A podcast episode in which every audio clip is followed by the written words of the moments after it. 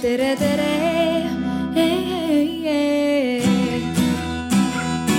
Eestimaa.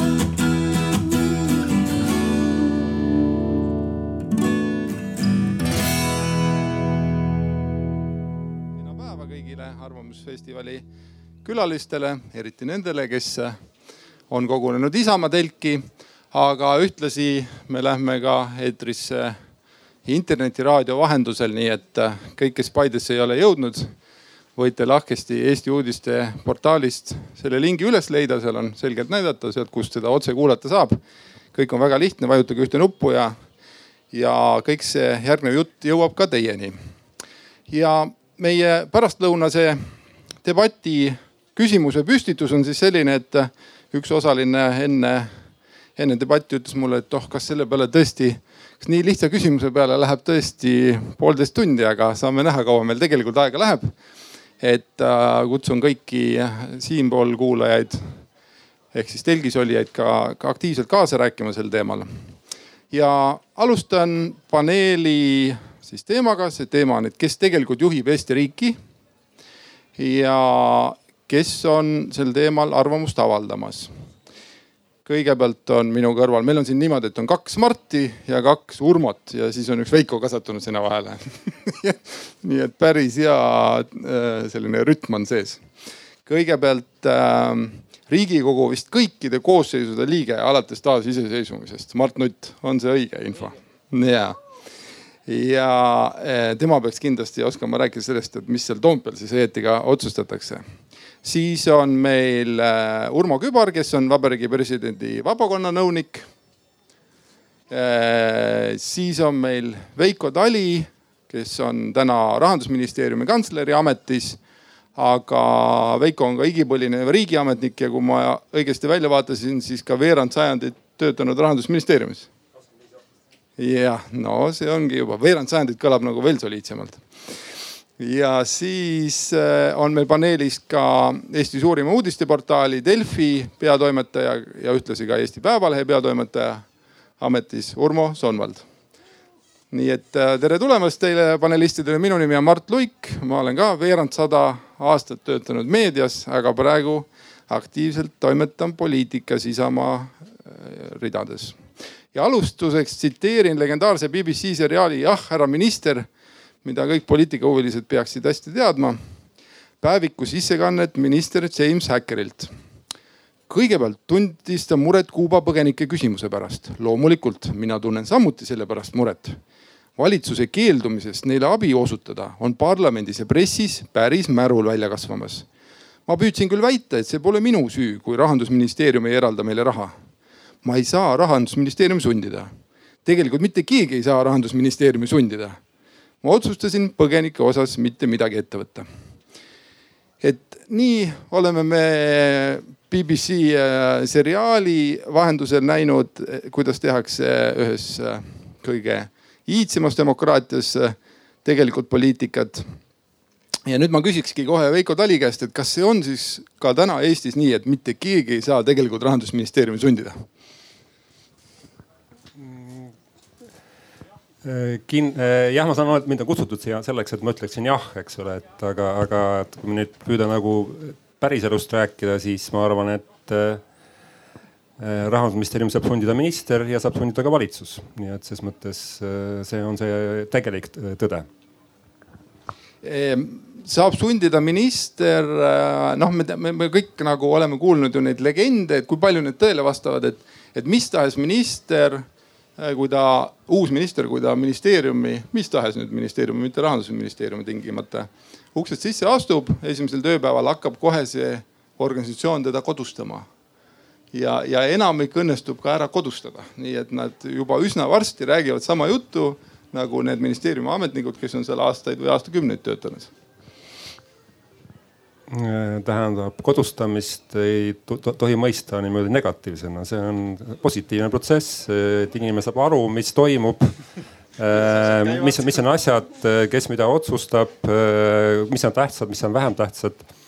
ja minu arust siin ei ole midagi nagu ebaloomulikku. tähtis on lõpuks see, et, et ütleme nii-öelda ametniku ülesanne, põhimõtteliselt ka ministeeriumi ametniku ülesanne on midagi ette valmistada, midagi nagu nii-öelda nõu anda. Poliitikute ülesanne ja nende roll ja vastutus on teha otsuseid. Ja, ja see ongi just nagu selles mõttes see vahe, et selles mõttes see, et me selgitame, kuidas asjad käivad, selles mõttes siin ei ole mingit midagi kriminaalset ega midagi ebatavalist ega, ega ka halba. Kuidas teistele panelistele tundub, on see nõnda, et äh, tegelikult äh, Eestis on ministriametit vist pidanud äh, Marko Pomerants on selle numbri kokku lugenud, kas oli sada seitsekümmend või sada kaheksakümmend inimest taasiseseisvumise järgsel ajal. et kui paljud neist lõpuks ministriametist lahkudes omasid mingit oma seisukohta või neil oli selgeks tehtud, mida on võimalik teha ja mida mitte? Urmo. no selles mõttes ma nüüd natuke jätkan seda Veiko mõtet, et noh, et mis see oma seisukoht on, et, et see justkui kuidagi idealiseeriks sellist väga kangekaelselt äh, mingisuguse mõtte juurde jäämist, hoolimata, sõltumata sellest, mis infot sa kusagilt saad, äh, mis siis kas toetab sinu seisukohta või mitte. et ma arvan, et, äh, et ongi loomulik, et meie nagu mõtted ja seisukohad on ka elu jooksul teatavas arengus äh, ja, ja vastupidine muudaks kuidagi elamise mõttetuks. Äh, et, et samamoodi siis, äh, kui, kui Veiko jätkas, et, et nagu minis-, äh, rahandusministeeriumit, eks ole, saab suunata minister ja, ja valitsus äh, ja, ja neid omakorda kindlasti ajakirjandus ja, ja ühiskond äh, omal moel ja, ja, ja loomulikult niimoodi, et ei olegi seda ühte selget vastust, et kes siis juhib Eesti riiki või ükskõik millist normaalset demokraatlikku riiki, vaid see erinevates gruppides ja, ja, või siis ühiskonnasektoritel ongi omad tugevused, mida teistel ei ole, mis võimaldavad neil teha asju, mida teised ei saa teha ja kõige ideaalsemas olukorras suudetakse need tugevused omavahel ühendada, üksteiselt võtta üle neid, neid tugevamaid külgi. päriselus loomulikult juhtub ka seda, et võetakse üksteiselt üle neid halvemaid ja, ja negatiivsemaid külgi, mille tulemuseks võivad olla väga bürokraatlikud vabaühendused või siis näiteks ametnikud, kes lähtuvad kuidagi ainult kulutõhususest ja, ja, ja unustavad mingid muud asjad ära, et, et niimoodi see elu ongi mitmekesine nagu me teame, põhiseaduse järgi on meil hoopis ju kõrgema võimu kandjaks rahvas ja, ja rahvas justkui ei vali ühtegi nendest ametnikest, vaid valib hoopis riigikogu liikmeid. et eh, Mart, et eh, mis roll siis riigikogul on, kui me tegelikult kenasti saame ministeeriumides ja riigiametites need asjad ära aetud? jah, no alustame sellest, kes on rahvas. et kas on mõeldav mingisugune selline mehhanism, et rahvas valitseb tervikuna iseennast? Ma arvan, see vist ei ole hästi mõeldav, et see toimub läbi institutsioonide ja see, kuidas institutsioonid moodustatakse, selleks on omad reeglid ja need reeglid on valatud siis põhiseadusesse ja seadusse. et niisuguseid riike, kus valitakse ministrid äh, mingitel otsestel valimistel, ei ole maailmas. üks riik oli lühikest aega, kus valiti peaminister otse ja see riik loobus sellest, kuna see ei andnud eriti head tulemust, see oli Iisrael. lühikest aega Iisraelis valiti peaminister tõesti otse on riike, kus valitakse president otse ja on riike, kus sellel otse valitud presidendil on ka suure, suured volitused. Ameerika Ühendriigid nende hulka ei kuulu. Ameerika Ühendriikides ei vali presidenti rahvas otse, aga näiteks mõnedes Ladina-Ameerika maades valib, Venemaal valib, Kesk-Aasia maades valib. ma räägin praegu neist riikidest, kus president on reaalne võim ja jätan hetkel kõrvale siis need riigid, kus rahvas valib küll presidenti ja presidendil võimu ei ole. Austria, Soome no Soomel mingil määral isegi on, äh, Leedu, äh, võib-olla Poola, ka neid riike on. nüüd siis, kui me küsimuse paneme nüüd sellesse asetusse, et millistes riikides siis nüüd see rahvavõim kõige paremini ilmneb ja millistes riikides ta ilmneb kõige halvemini. ja ma tean, et on inimesi palju, kes tahavad mulle vastu vaielda, aga ma ütlen ühe teesi Nendes riikides, kus president valitakse otse ja presidendil on laiad võimupiirid, on rahva võim kõige väiksem. paraku on see nii. ja riikides, kus äh, äh, valitakse, ma isegi julgen eelistada, et proportsionaalsel, mitte niivõrd majoritaarsel valimiste järgi parlament ja valitsus, kes teeb otsused, vastutab parlamendi ees, on rahva võimalus kaasa rääkida kõige suurem see on, ütleme nii-öelda maailma praktika näide. ja kui me selle kaudu jõuame siis selle juurde, et siis kuidas need võimuinstitutsioonid siis äh, reaalselt hakkavad toimima, siis tõepoolest sa märkisid õigesti, et on olemas põhiseadus loomulikult demokraatlikus riigis põhiseadust täidetakse ja täidetakse põhiseadusele tuginevaid seadusi, aga on olemas ka praktika. on olemas praktika, kuidas siis see reaalne võimuteostus välja kujuneb ja see võib kujuneda väga paindlikult niimoodi, et, et see nii-öelda põhiseadus jääbki raamistikuks, aga olukorrad võivad väga kiirelt muutuda me võime olla homme täis, täiesti teistsuguses olukorras kui täna. on vaja teha kiireid operatiivseid otsuseid ja kahtlemata peab parlament andma selleks valitsusele mandaadi, et seda tehakse ja loomulikult valitsus, ma räägin siis praegu kabinetist, kabinet ei saa seda teha ilma valitsusaparaadita, ilma administratsioonita, kelleks on siis ministeeriumite ametnikud, ministeeriumite osakonnad ja kogu see nii-öelda ametkondlik struktuur. selles mõttes demokraatlik riik ei tähenda anarhiat, demokraatlik riik tähendab, et seadus on seadnud erinevatele võimuinstitutsioonidele oma pädevuse. ja seda ja selle, kuidas neid institutsioone moodustatakse. et ma jõuan siin tagasi selle juurde siis, et eh, rahvavõim, jah, loomulikult on rahvavõim, sest rahvas kui kõrgem võimuallikas valib esinduskogu kes nimetab ametisse siis konkreetselt siis täidesaatva eh, aparaadi ja täidesaatev aparaat peab kontrollima ja andma ka korraldusi siis sellele nii-öelda ministeeriumi ametkonna tasandile. et teistmoodi, kui te kujutate ette, et kas see võiks üldse teistmoodi toimuda, siis ausalt öeldes minul jääb fantaasiast puudu. ma arvan, et eriti teistmoodi ei saa. et selles mõttes muidu, kui me nagu sellest institutsiooni põhilisus, põhilisusest loobuksime, siis me tegelikult ei saaks rahvavõimu üldse rakendada, vaid siis keskendukski võim reaalselt ühe inimese kätte.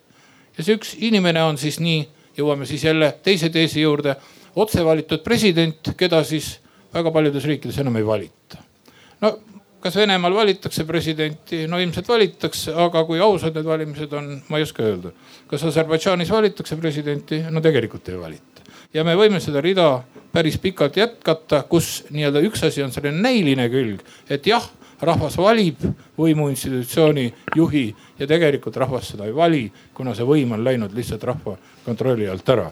nii et ma võib-olla jäängi muidu selleks pooleteiseks tunniks rääkima, kui ma äh, kõik need lülid tahaksin välja tuua, mul oleks väga palju selle koha pealt öelda, eriti mis puudutab ka seda, et keda siis minister valitsuses ja valitsusaparaadis esindab. aga ma arvan, et meil on võimalus selle teema juurde veel pöörduda, aitäh. jõuame selle teema juurde tagasi ja tooks veel ühe võimu siia juurde, neljanda võimu. Et paljud poliitikud arvavad, et tegelikult kõik see, millega nemad igapäevaselt tegelevad, on niisugune mimikri, sest äh, reaalselt poliitilisi protsesse Eestis juhib hoopis kõigevõimas meedia. Urmo Soonvald, kas see on nii? komplimendina kahtlemata tore aga enne kui ma vastan su küsimusele, ma, kui oli küsimus Veiko Talile kogu selle ministrite kodustamise kohta, siis ju tegelikult pole ministeerium mingi erand noh, eks me kõik töötame organisatsioonides, on see eraettevõte, MTÜ, mingi seltsliikumine ja kahtlemata alati pannakse uus juht proovile. ja küll ma arvan, et äh, uuel juhil tema tugevus ministrina tuleb tõenäoliselt äh, ministrina tal ka isegi ei õnnestu seda aparaati ümber pöörata nii palju kui eraettevõtluses. et kahtlemata on eraettevõtlus, eraettevõtluses äh, ega kolmandas sektoris eh, tugeval isiksusel lihtsam ennast kehtestada kui ministeeriumis, kus tõesti on nii-öelda noh, mitte sajandipikkused, aga väga pikad traditsioonid, suhteliselt jäik süsteem, etteantud eelarve, väga piiratud mängumaa. aga nüüd Mardi küsimusele meediavõimu kohta tõesti ma olen meelitatud, et, et kui poliitikud arvavad, et Eesti ajakirjandusel on väga suur roll. mõned poliitikud. mõned poliitikud jah, et eh, vähemalt ma ise ja meie ette väljaanded püüavad mitte lähtuda sellest, et mitte olla poliitika tegija, aga olla rohkem poliitika kajastaja. mis siis alati on mingitel teemadel, mingitel väljaannetel, mingil, mingitel ajakirjanikel ikka mingil hetkel see mängulust või see intriig läheb nii suureks, et vaat noh, et me jälgime kas nüüd meie lugude tulemusena, kas meie arvamuslugude tulemusena keegi astub tagasi, midagi muudetakse ja nii edasi. noh, see on selline paratamatu mängu osa. mida sa Mart kindlasti ise ka mäletad oma, oma ajast, et see tekib, aga neil hetkedel tuleb püüda ennast tagasi tõmmata. ja, ja mis on väga huvitav, on see, et need lood ja need kaasused, kus me ise arvame, et no nüüd selle loo põhjal astub minister tagasi või, või mingi ametnik tagasi, üldiselt eh, ei juhtu midagi. siis on mingid pehmemad lood, kus pole põhjust arvata, et midagi juhtub, siis ootamatult ministril keegi taandub, et see on selline elu, elu paratamatus, aga, aga see reaalsuse tšekk iseendale kogu aeg, et mitte olla poliitika kujundaja, aga pigem poliitika peegeldaja ja kui see peegeldus aitab poliitika muutumisele kaasa, oleks hea, see, seda tuleb teha tegelikult kogu aeg ja ja mis siin salata, nüüd on, oleme astumas ju kõik, kõik jah, me kõik moel või teisel valimistsüklitesse, kahed valimised korraga ja vaadates seda äikesipilve meie poliitmaastiku kohal kindlasti tuleb olla nagu ka meedial väga ettevaatlik oma sellise äh, oma, oma rolliga. No meedia teemavalik on muidugi veel lisanduks sellele, mis sa ütlesid, et mitte ainult siis see, et, et kas kajastatakse mingisuguseid sündmuseid või, või debatte, aga et nagu millised teemad on ajakirjanduses suured ja ilmselgelt on loomulikult see ka see, millest omakorda erakondadest lähtutakse, et, et mis siis teemad on noh, need, mis võiksid olla valimiste ajal olulised inimestele ja, ja hääli tuua. ja, ja need kindlasti seda üks-ühele seost selle puhul, mida peetakse oluliseks ja mis nagu tegelikult mõjutab inimeste elu. et see seos ei ole nii, nii selge loomulikult aga noh, see mõju paistab välja ka sellistes olukordades, kus justkui ühiskondlikult kaalukat vaidlust ei teki. ja toon siin üsna hiljutise näite, et teadupärast oli meil oli meil tüli ühe sõna pärast, selle lisamise või kaotamise pärast, eks. ülekaalukas avalik huvi. meedial oli selle, äh, selle noh, seaduseelnõu siis jõudis ilma, ma lühidalt meenutan, kes, kes seda teemat võib-olla nii kiiresti või seda skandaali nii väga lähedalt ei jälginud. et äh, seaduseelnõu jõudis Riigikogu põhiseaduskomisjoni, kus nad siis saali jaoks nii-öelda lõplikult ette valmistatakse. justiitsministeeriumist ilma täienduseta ülekaalukas avalik huvi, see ei meeldinud ühelegi suurele meediaettevõttele.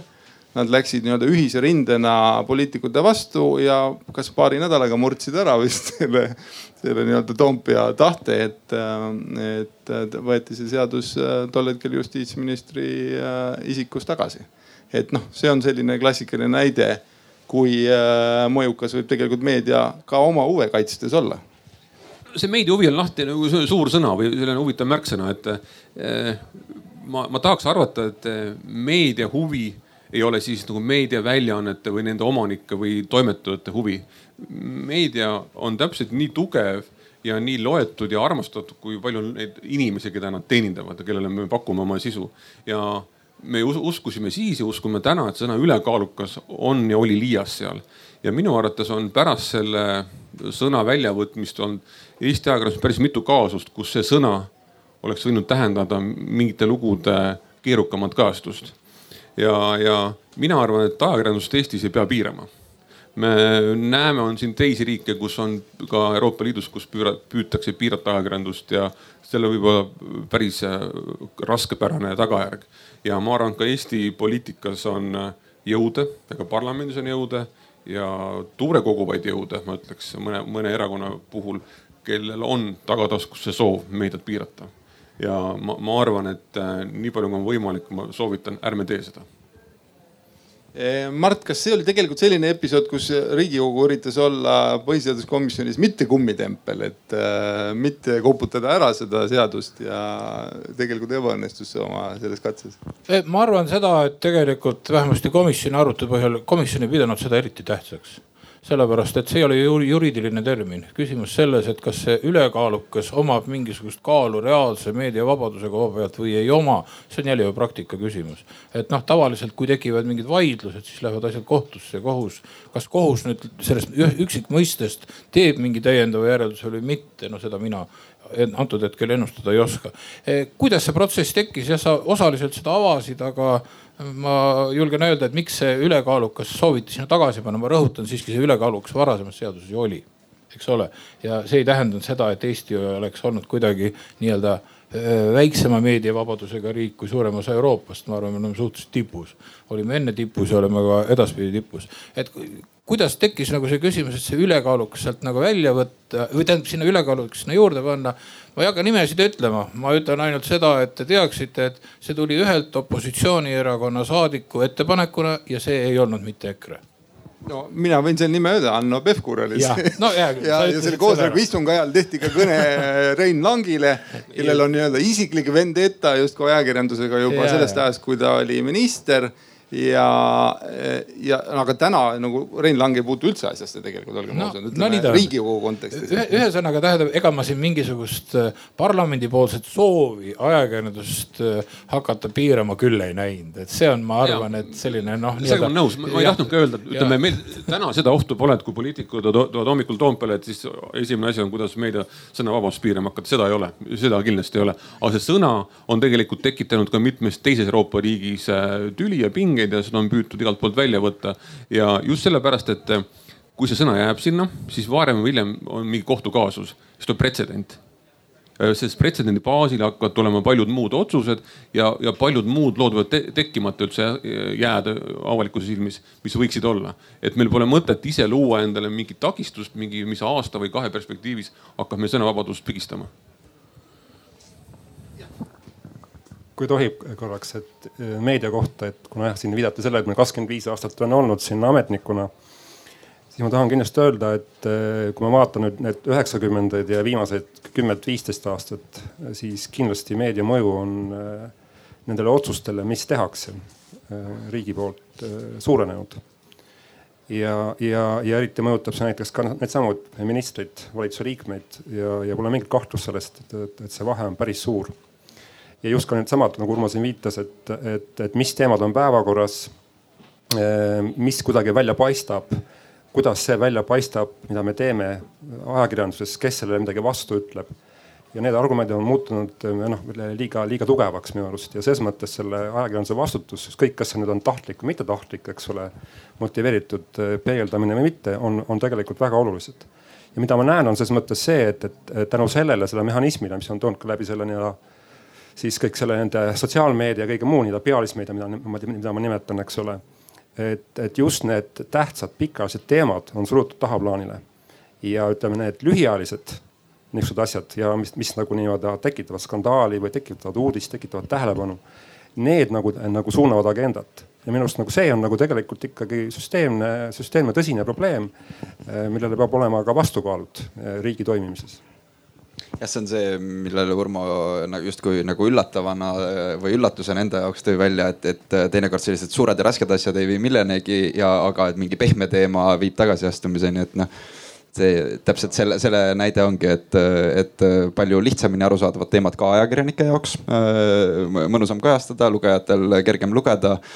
ja, ja selle tõttu teavad ka poliitikud, et need on teemad, millele pööratakse rohkem tähelepanu ja, ja reageerivad omakorda noh pigem see ka, ka mina ei kuulu nende hulka, kes arvaks, et see on väga tore ja kasulik ühiskonnale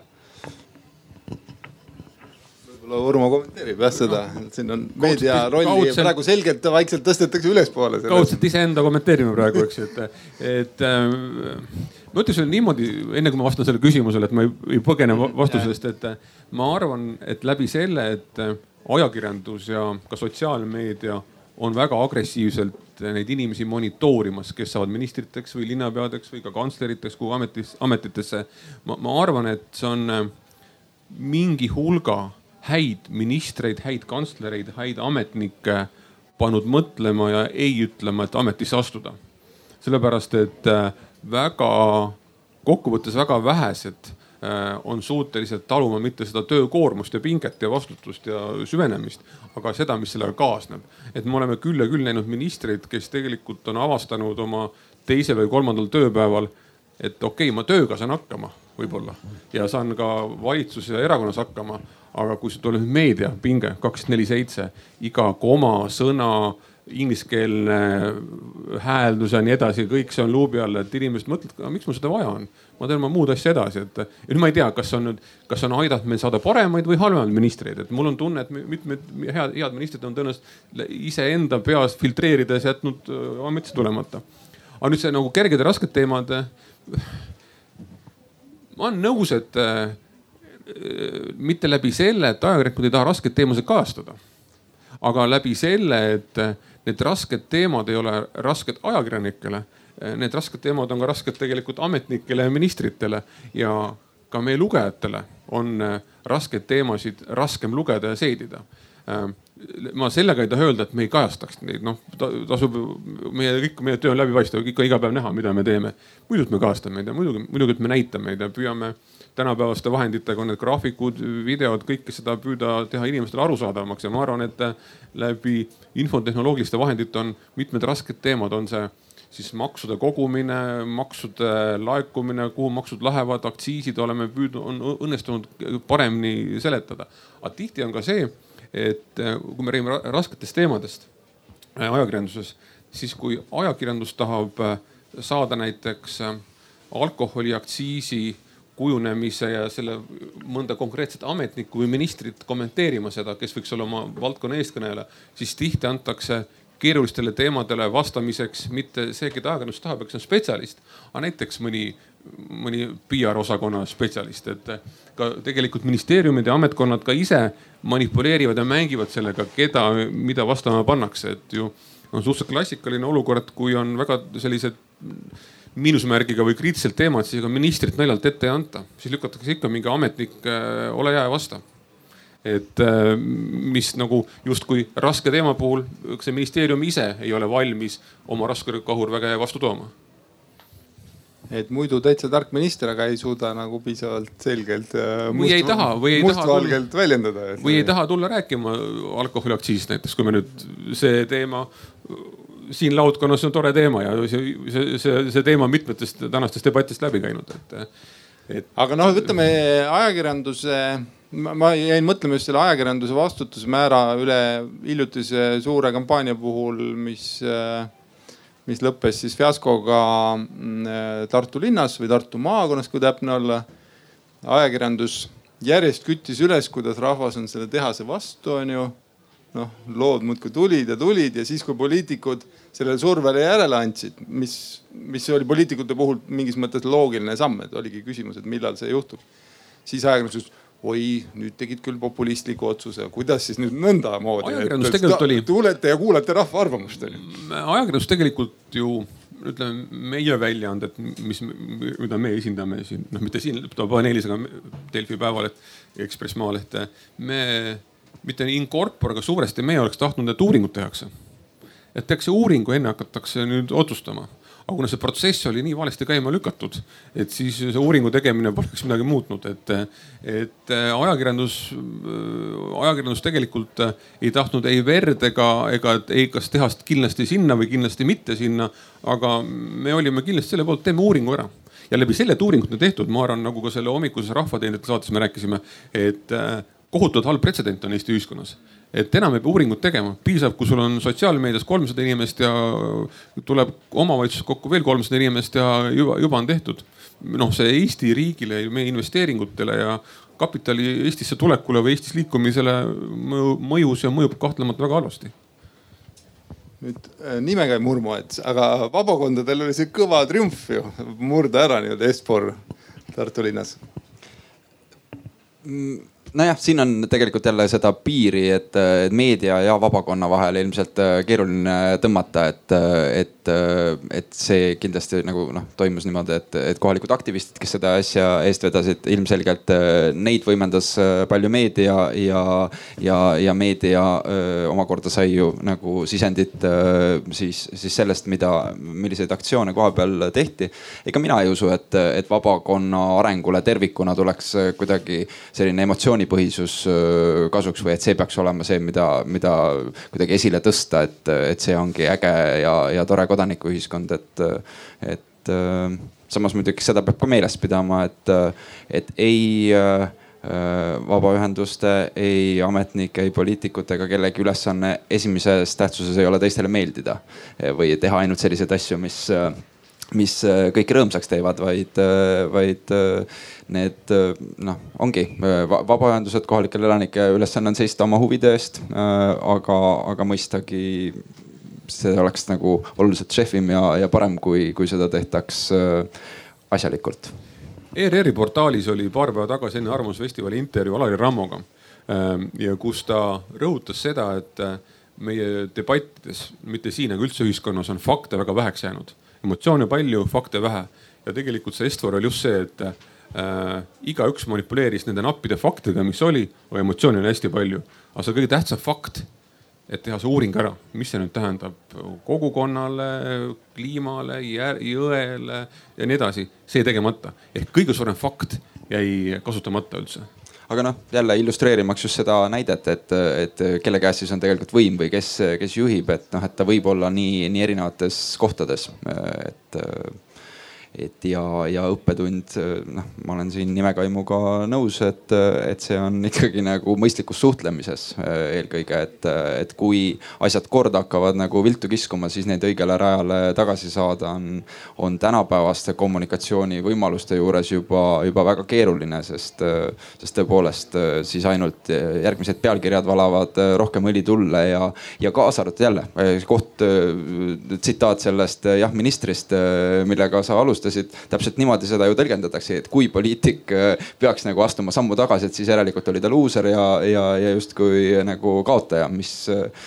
selle asemel, et mõista, et näed, kui mõistlik inimene äh, kuulas argumente ja, ja jõuti kompromissini.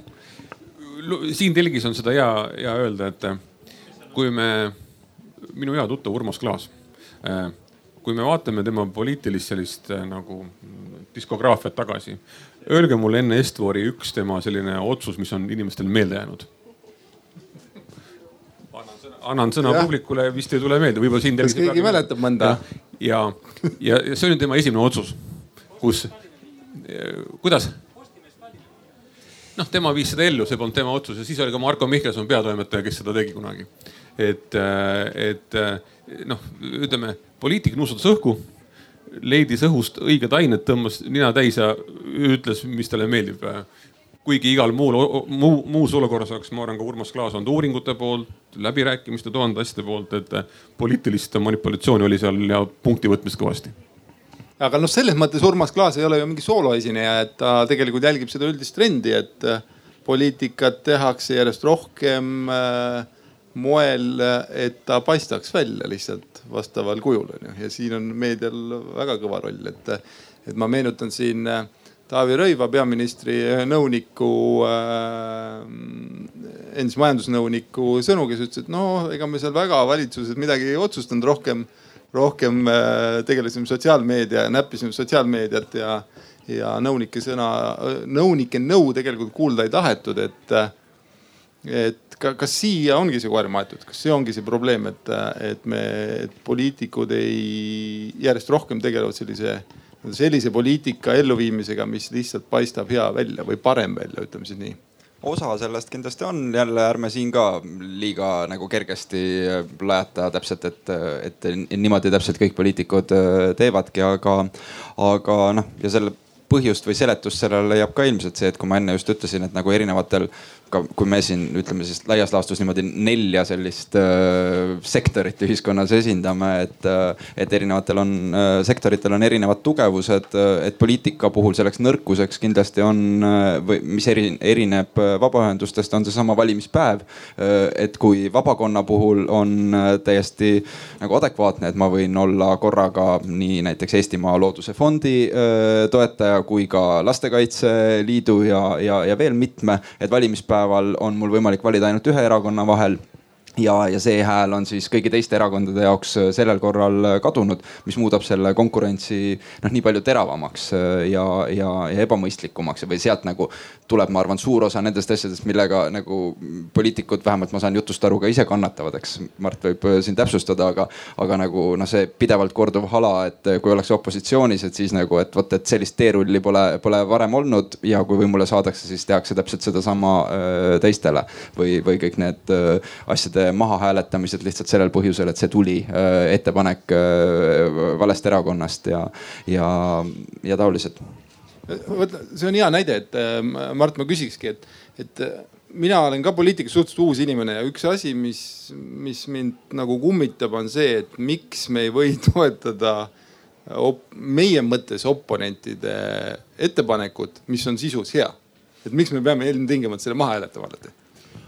Äh, julgen natuke ennast kiita, ma olen, ma olen tihtipeale eriarvamusel olnud, kas võib-olla oma fraktsioonis ja võib-olla veelgi enam koalitsioonipartneritega, et otsime seda koostööpunkti. et me ei pea ju tingimata minema selleni, et, et me hääletame mingisuguse täiesti sellise ettepaneku, mis on meile vastuvõetav maha ja tuleme ise sama asjaga tagasi. või, või noh, tuleme, tuleme oma sama asjaga siis välja, et ma arvan, et see ei ole hea praktika. see on mõneti mugav praktika, sellepärast et kui me võtame siin mõned tehnilised pisiasjad, ütleme niimoodi, et, et ütleme, võib-olla opositsioon tahab selle eelnõuga sisse viia mõne sellise asja, mis nagu valitsusele ei sobi. ja valitsus pakub nagu selles või valitsuserakonnad pakuvad selles, et kuule, olgu, võtame seaduseelnõu vastu, aga kas te olete nõus, et me korrigeerime nagu seda, seda punkti? selle peale võib tihtipeale vastus tulla ei. tihtipeale vastus võib tulla ei siis me võime olla olukorras, kus me oleme kuskil nii-öelda jõudnud eelnõuga päris kaugele ja siis opositsioonierakond, kes on selle esitanud, võtab eelnõu tagasi ja teatab, et meiega ei soovita koostööd teha. selliseid olukordi tekib. aga näiteks ütleme, Põhjamaades on see asi natukene paremini lahendatud selles mõttes, et suudetakse kokku leppida äh, üldiselt äh, nendes küsimustes nagu enne, kui asi jõuab nii kaugele. Äh, samas kui me vaatame nii-öelda puht statistiliselt, kui palju on neid eelnõusid äh, näiteks Põhjamaades, äh, mis vastu võetakse ja mille on algatanud valitsus ja kui palju on algatanud opositsioon, siis me näeme, et see suhtarv on pigem veel rohkem valitsuse poole kui Eestis. pigem veel rohkem. et need on nüüd võib-olla, võib-olla ma ütleksingi, et, et äh, võib-olla sellise meie poliitilise kultuuri arenguruum võiks olla see, et mõlemalt poolt otsitakse seda ühis ühis, ühist keelt rohkem, aga mugavus on seda teha vähem ja, ja äh, muide üks Eesti, Eesti praktika äh,, mida äh, mõnes teises riigis viljeldatakse võib-olla veelgi rohkem, aga mis on tingitud selles, et kui tugev on valitsuse positsioon. Eestis on kõige rohkem otsitud kompromissi erinevate poliitiliste jõudude vahel siis, kui meil on olnud vähemusvalitsused ja see on olnud paratamatu, sellepärast et vähemusvalitsus ei saa väga paljusid eh, eelnõusid vastu võtta ilma, kui siis noh, kas siis opositsioon või siis ka ütleme, selline neutraalne osa parlamendist neid asju ei toeta ja siis seda kompromissi otsitakse, kui tuntakse oma positsiooni tugevama, tugevamalt, siis seda positsiooni ei otsustata. ja, ja võib-olla ma tooksin veel natukene ühe kõrvalise näite, eh, mis võib osutuda aga tegelikult Eesti riigi seisukohalt päris oluliseks, et ma oma esimeses sõnavõtus mainisingi, eh, mainisin ka seda, et, et rahva kaasarääkimise võimalus on tegelikult kõige suurem just nimelt proportsionaalse valimissüsteemiga maades ja mitte niivõrd majoritaarsega ma natuke püüaks võib-olla seda lahti seletada, mida see tähendab. proportsionaalne valimissüsteem ei anna peaaegu mitte kunagi sellist võimalust, et tekib üheparteiline valitsus. majoritaarne valimissüsteem annab põhiliselt sellise tulemuse. mis see siis tähendab? see tähendab seda, et valitsus, valitsuse moodustamiseks on vaja sõlmida koalitsiooni kokkulepe. see tähendab, et erinevad erakonnad, kes hakkavad valitsust tegema, peavad arvestama teineteise seisukohtadega ja jõuavad kuhugi keskteed, mis võib osaliselt, osa, mõnes asjas inimesi vihastada, ütleb vaadake, mida te lubasite. nüüd te taganete nendest asjadest, et, et me ei saa teid usaldada, aga teiselt poolt otsitakse nagu sellist laiemat ühisosa ka nendega, kelle hääl võib-olla nii tugevalt ainuüksi selle nii-öelda kõige rohkem hääli saanud partei läbi ei oleks välja tulnud et eh, see nagu tegelikult annab võimaluse avalikkusele rohkem, rohkem kaasa rääkida ja vähemusvalitsuse puhul tekib siis see olukord, sa pead arvestama ka väljastpoolt seda valitsuse koalitsioonilepingut. et siin on omad plussid, omad miinused, aga mulle tundub, et selline kaasamise seisukohalt on see mudel tegelikult parem kui nüüd näiteks Briti mudel, kus valitsev, valimised võitnud partei ütlebki, et aga niimoodi on otsustatud, niimoodi me teeme ja teie opositsioon oodake rõõmsalt siis niisuguseid valimistulemusi, mis annavad teile siis võidu ja siis noh, on teie asi nagu meid, meid siis ignoreerida.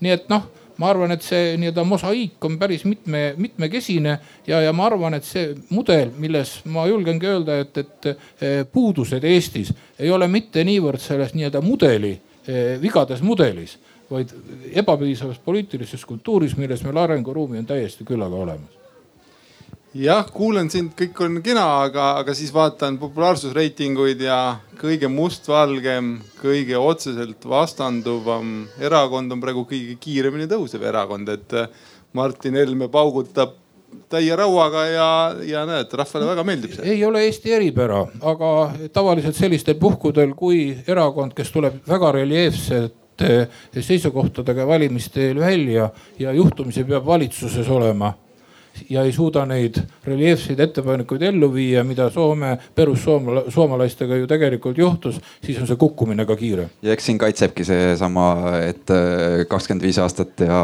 äh, nagu Veiko sugused ametnikud ministeeriumites, et, et kes siis kodustavad selliseid poliitikuid. kes tegelikult riiki juhivad ja siis need peavad asja ära päästma jah ma arvan ühe, ühe remargi, et, et siin äh, te vist olete Aivar Rõivas see peaminister, kes äh, nagu praktiliselt palkas endale fotograafi mööda maailma ringi käima, et, et noh, seda näilisust oleks rohkem. ma ei tahaks kindlasti poliitikutele ette heita või noomida seda, et nad äh, oma näilisust tahavad ka arendada, et nad, mida nad teevad ja kus on, aga see ei tohi olla absoluutne, tegelikult see sisuline pool peab olema kõrval.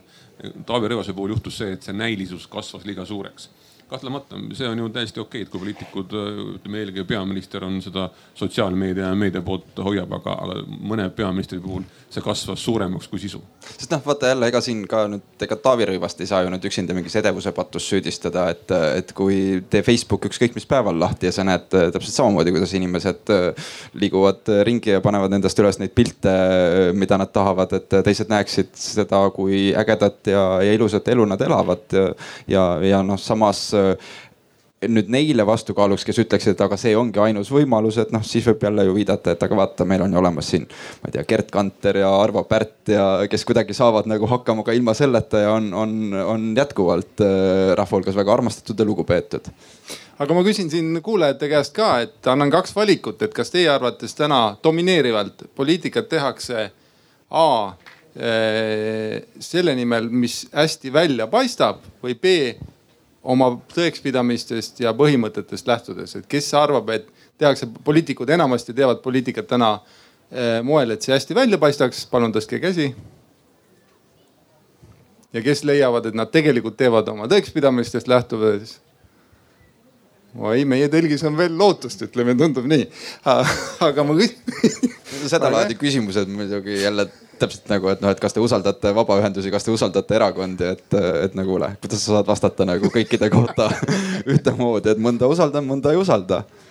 ja, ja ei no, aga ma küsiks äh, Veiko käest, et äh, kui sageli ministeeriumist tulevad need äh, või noh, kui, kui palju näeb seda, et, et minister, nüüd see uus minister räägib seda juttu sellepärast, sellesama näilisuse pärast, et sellepärast, et see näeb nagu äge välja või tal tagatoas lihtsalt tehti selgeks, et see näeb äge välja?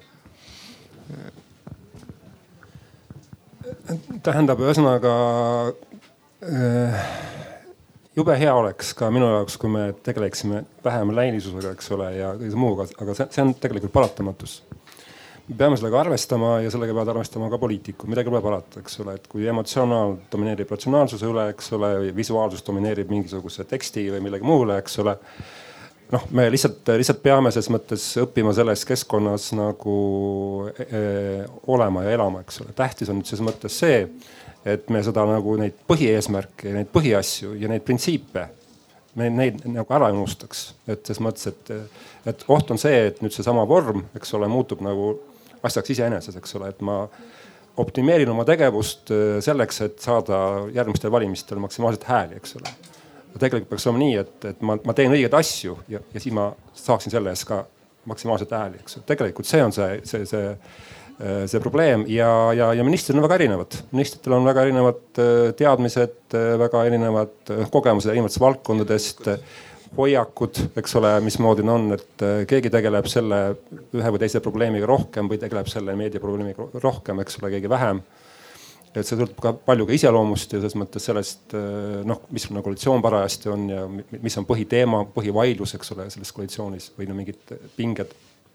nii et selles mõttes äh, probleem pole mitte ainult selles, et meil on need poliitikud kuidagi erilised või halvad või mingit moodi, see kindlasti mitte. see keskkond on muutunud ja selle keskkonnaga tuleb kohanduda äh, aga mitte unustada seda, et, et, et mis on kõige tähtsamad ja mis on need suured asjad, mis, mis, mis on need riigi suured väljakutsed ja millega tuleb tegeleda aga küsimus, mis asi see õige asi on, millega poliitikud tegelevad, et eh, noh, ma, ma kuidagi ei saa üle ega ümber Jevgeni Ossinovskist, et ma, ma arvan, et ta iseenda jaoks tegeles õige asjaga. Alkoholi probleemistikuga, noh muuhulgas ka aktsiisiga.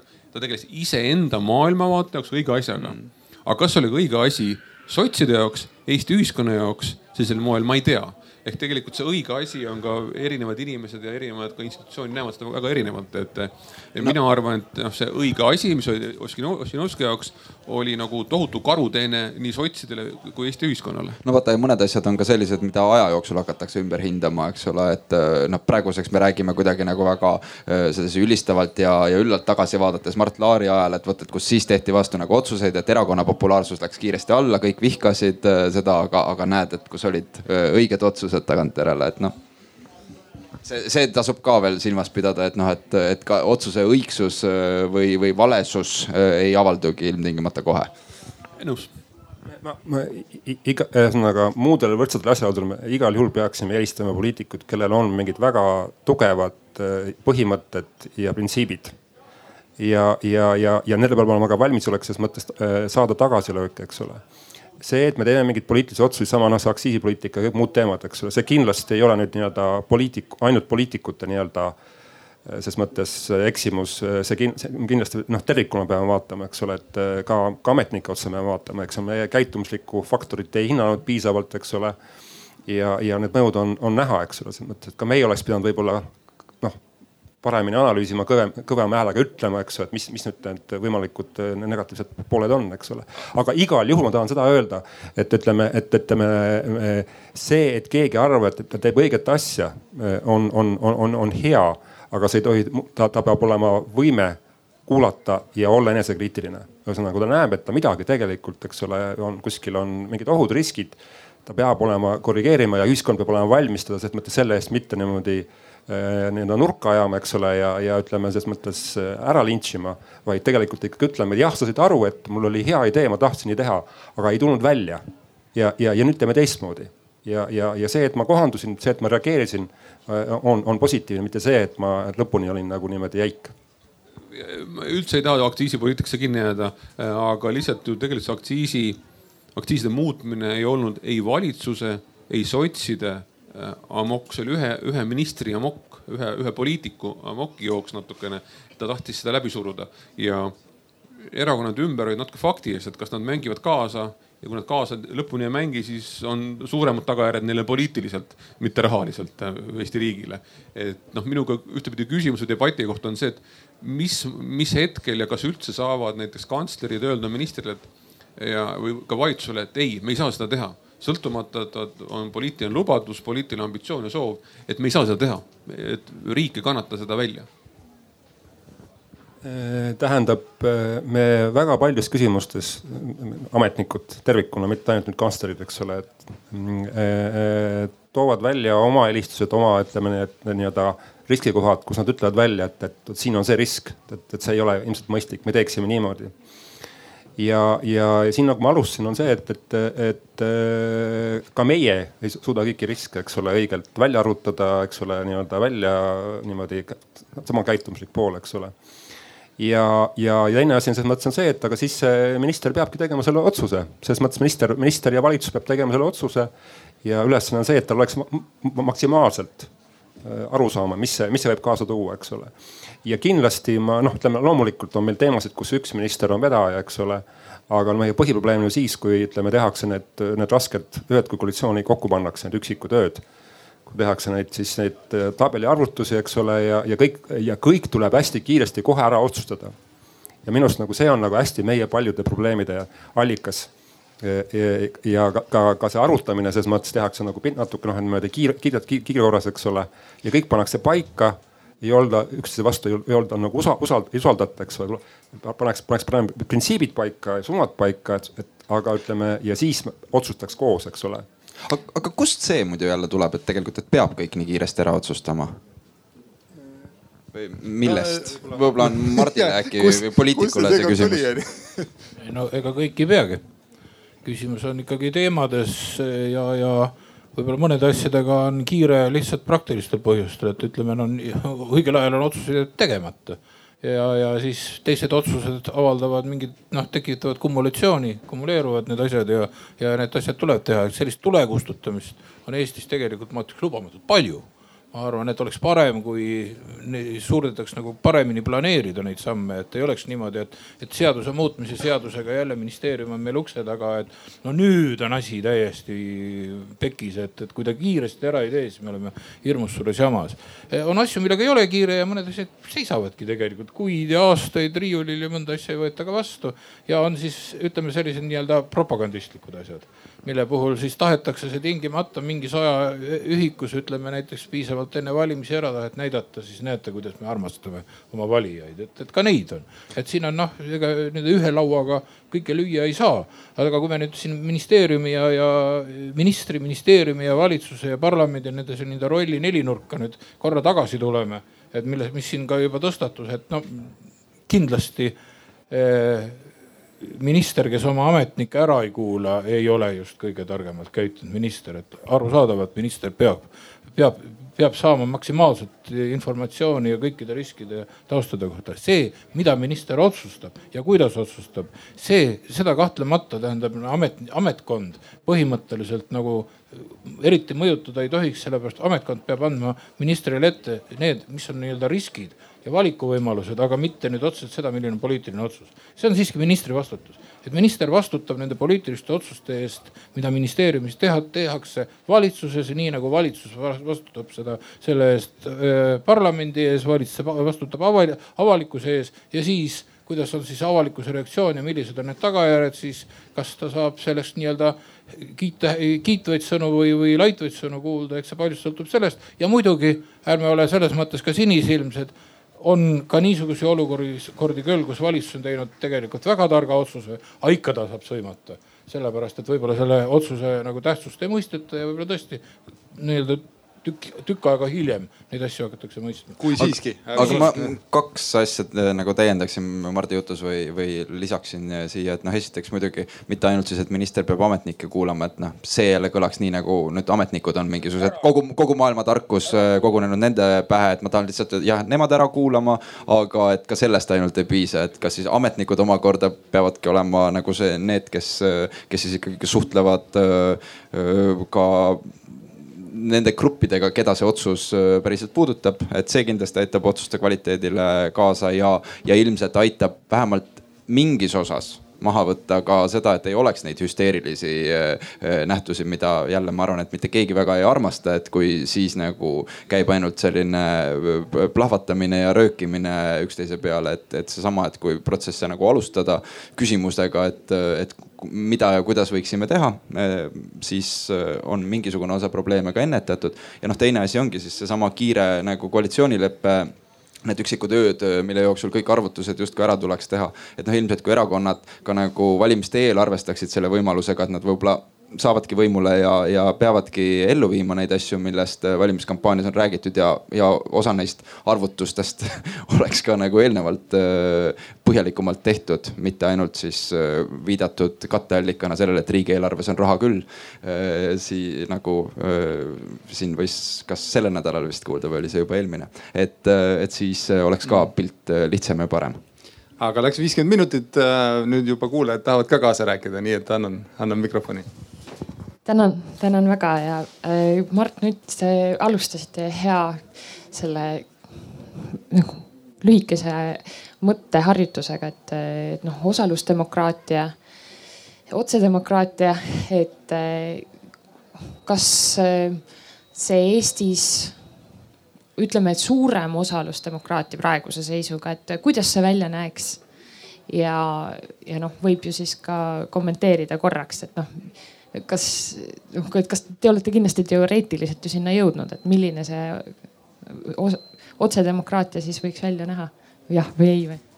nojah, läksime teisele teemale, kõigepealt osalusdemokraatia ja otsedemokraatia minu arvates ei ole sünonüümid, kohe mitte kuidagi.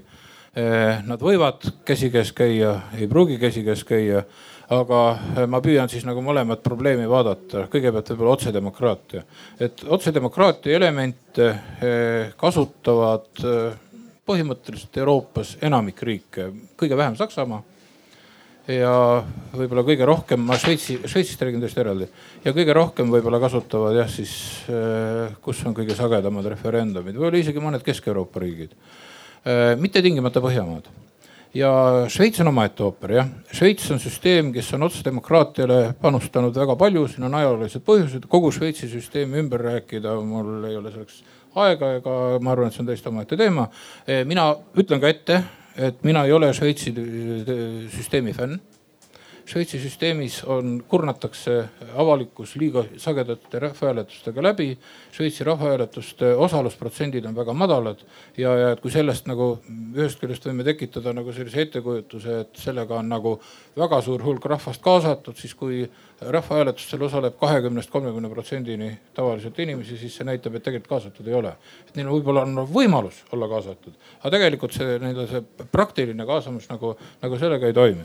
nüüd äh, see minu arvates nagu selline otsedemokraatia ja esindusdemokraatia äh, parim võimalik suhe on ikkagi nende kombineeritus ja eh, see on nagu tõesti väga konkreetsete küsimuste otsustus, et, et millised küsimused näiteks peaksid rahvahääletusele minema, millised mitte. et mina ei arva seda, et me peaksime iga suhteliselt eh, detailse asjaga rahvahääletusele minema, et igal asjal on hinnasilt küljes. et niisugused suuremad küsimused, noh Euroopa Liiduga ühinemine, täiesti enesestmõistetav. ma ei kujutagi ette, et seda oleks teistmoodi saanud, saanud lahendada. kui meil peaks tulema tahtmine Eesti poliitilist süsteemi muuta, kui meil peaks olema kas meil see on, on iseasi, aga näiteks nüüd riigireformiga väga palju sellest räägitakse, mis puudutaks näiteks valitsuse rolli suurendamist või parlamendi koosseisu vähendamist või, või äh, rahvahääletuste hulga suurendamist või rahvahääletuste ümber profileerimist. ilmselt need on selle tasemelise muudatused, mis peaksid tõesti nagu otsustatama rahvahääletusel. seda kas kohalikud valimised toimuvad kolme või nelja aasta tagant, ei peaks olema rahvahääletuse otsus ja, ja seda on ka parlament kiirmenetluse korras ju tegelikult teinud, nii et siin on tegelikult põhiseaduse muutmiseks erinevad, erinevad võimalused täiesti olemas. nüüd eh, tulles eh, nagu kaasamise ja, ja osalusdemokraatia juurde, siis eh, ega siin ei ole ju olemas mingit selget mudelit kui me räägime kodanikuühiskonnast, siis kodanikuühiskond koosneb ju väga paljudest elementidest. et ma kindlasti olen pigem selle kontseptsiooni pooldaja, et kodanikuühiskond hõlmab tegelikult kõike nii demokraatlikke institutsioone kui ka kodanikuühendusorganisatsioone ja mitte ei lülita sellest mingit osa välja. et kindlasti kuulub ka parlament kodanikuühiskonda, see on ju kodanike valitud ja, ja ta on üks osa sellest kodanikuühiskonnast ju paratamatult.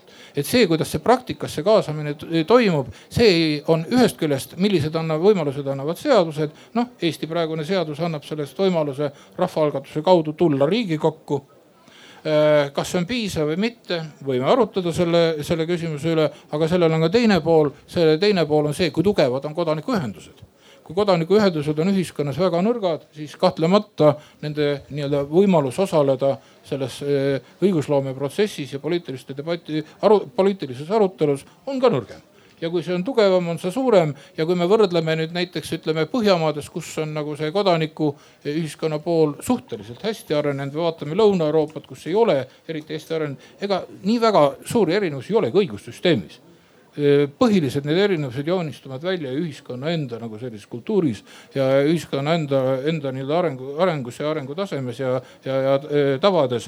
et, et nagu sellist olukorda, et me nüüd hakkame nagu Eh, ütleme eh, osalusdemokraatiat või et me saaksime osalusdemokraatiat oluliselt suurendada niimoodi, et me nüüd muudame mingi seaduse ära. nüüd tuleb see, nüüd see hakkab vohama see, see, ma arvan, et see on natuke illusoorne. et ma olen peaaegu et kindel, et see niimoodi, niimoodi ilmselt toimima ei hakka, et see on nagu ühiskonna arengu selline eh, arengu nii-öelda loomulik tsükkel. ja, ja veel eh, tähendab, eh, mida ma tahaks rõhutada, et, et kui me nagu kõrvutame parlamendi rolli ja kodanikuühenduste rolle, siis, siis tegelikult üks ei saa teisi asendada nii nagu parlament ei saa võtta enda kanda kogu kodanikuühenduste tegevusvaldkonda, siis ei suuda ja ta võib-olla lihtsalt ta ei suudagi seda katta. see, see on, ta on liiga väike juba selleks. kui me räägime siin, et kas Riigikogu on liiga suur või liiga väike, selles kontekstis ütleme, et Riigikogu on liiga väike. aga teiselt poolt ega kodanikuühendused ei saa ka parlamendi rolli, rolli katta, sest parlament moodustatakse, parlament on ainus kogu, mis moodustatakse üldvalimistel, kus osalevad kõik hääleõiguslikud või võivad osaleda kõik hääleõiguslikud kodanikud ja seda mandaati, mis on parlamendil tegelikult kellelgi teisel ei ole et võib-olla vastasin natuke pikalt, aga võib-olla. Eestil seda mandaati tõesti ei ole, aga, aga noh, mis roll jääb äh, vabakonna või ütleme kodanike liikumisele, jääkeldritele, rahvakogudele, kui see ei lõpe mingi väljundiga, eks, et äh, käisime, siis on natukene nagu see Paide Arvamusfestivali mure, et käisime, rääkisime kaks päeva palju toredaid mõtteid, aga protsess, poliitiline protsess iseenesest käib no samamoodi edasi aga, aga, nagu need äh,, nagu just, ta oli nädal varem. aga nüüd ma küsin vastu sinult ja, ja ka võib-olla teistelt äh, panelistidelt, aga mis see väljund peaks olema? et äh, ühest küljest äh, kodanikuühendused, ma arvan, me saame kõik ühtemoodi sellest aru, et kõik kodanikuühendused ei pea olema ühte meelt eks ole. ja isegi kui näiteks mingisugune foorum võtab vastu mingi otsuse, siis see ka ilmselt kõikide kodanikuühenduste seisukohta ei kajasta.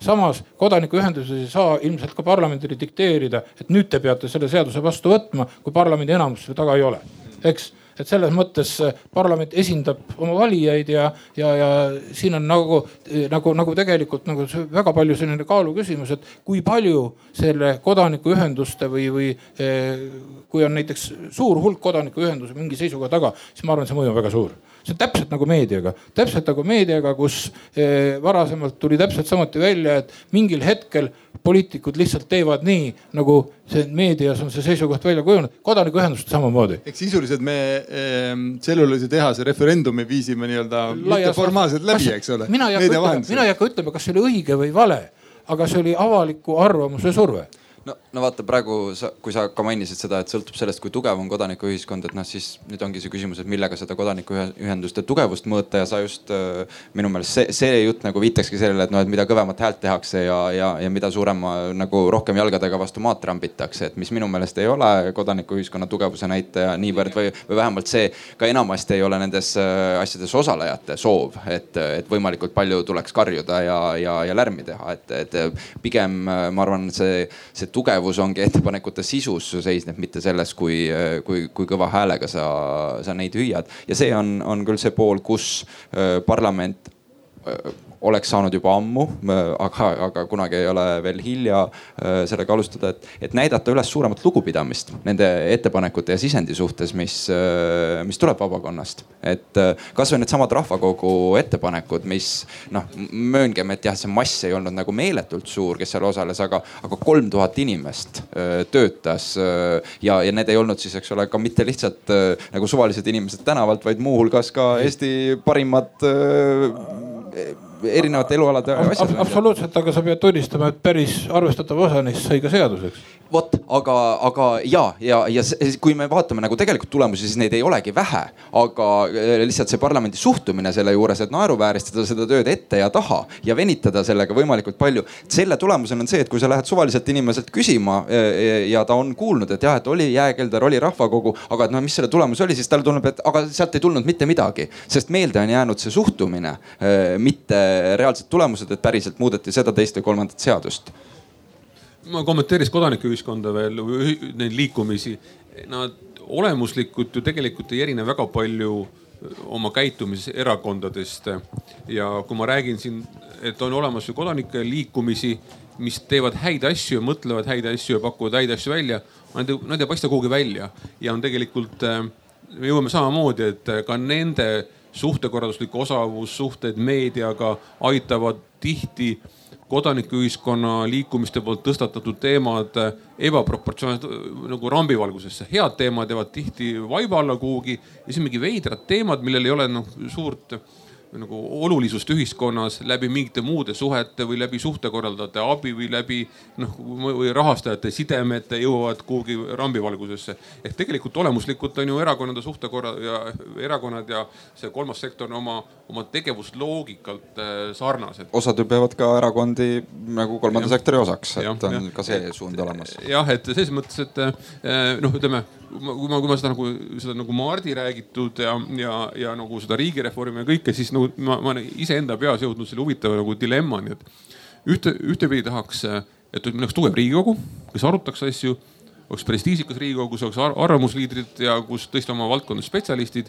aga samas ma näen, et see võib muuta ühiskonna toimimist aeglasemaks, et see arutelu osa pikeneb. teisalt mulle meeldiks, et kui on Eesti riigis või valitsuses hea idee see kohe ära tehtaks et see on nagu ma enda peas olen dilemmas, sest ühtepidi ma tahan kiiret otsustamist, aga teistpidi mulle meeldis ka, kui arutatakse asju.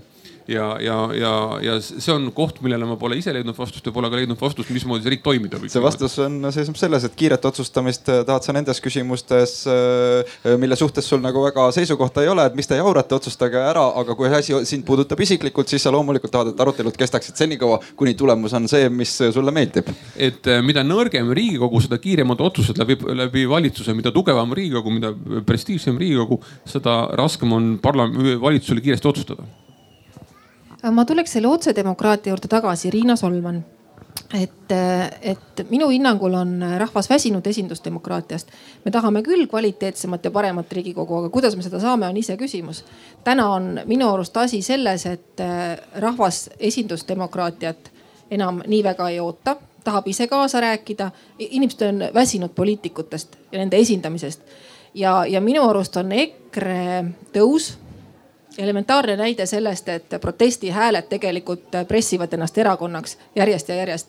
sellepärast, et poliitikud ei rahulda enam seda inimeste vajadust äh, muutusteks, see protsess ei ole piisavalt kiire ja, ja, ja kas siis äh, see Šveitsi näide, et kas siis kakskümmend, kolmkümmend protsenti osalust on tõesti nii madal, et kui me tegelikult saaksime legitiimse otsuse et ma tuleks selle juurde tagasi just nüüd Mart, et ma tahaksin sina, et sa arutaksid selle, et miks sa ikkagi leiad, et see esindusdemokraatia on, on hea, kui me näeme, et protestihääled kogu aeg tulevad külje pealt ja ääre pealt ja meie enda erakond, eks ole, vajub.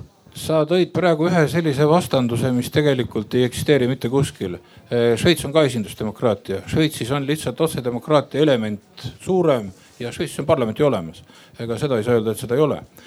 nüüd kui sa küsid minu arvamust, mis otsus on legitiimsem, kas näiteks võrdlemisi kõrge osalusprotsendiga valitud parlamendi poolt vastu võetud seadus või kahekümne protsendilise referendumi hääletus aktiivsusega vastu võetud seadus, ma ütlen, vastan esimene parlamendi otsus on sellisel juhul kindlasti legitiimsem. kui rahvahääletusel võetakse vastu seadus kaheksakümne protsendiga, siis tõenäoliselt tõesti võime öelda see, et, et see, see on, antud juhul legitiimsem. nüüd äh, Äh, ma arvan, et on natuke libe jää vastandada seda kodaniku või tähendab äh, esindusdemokraatiat ja, ja, ja, ja otsedemokraatiat nüüd täies mahus.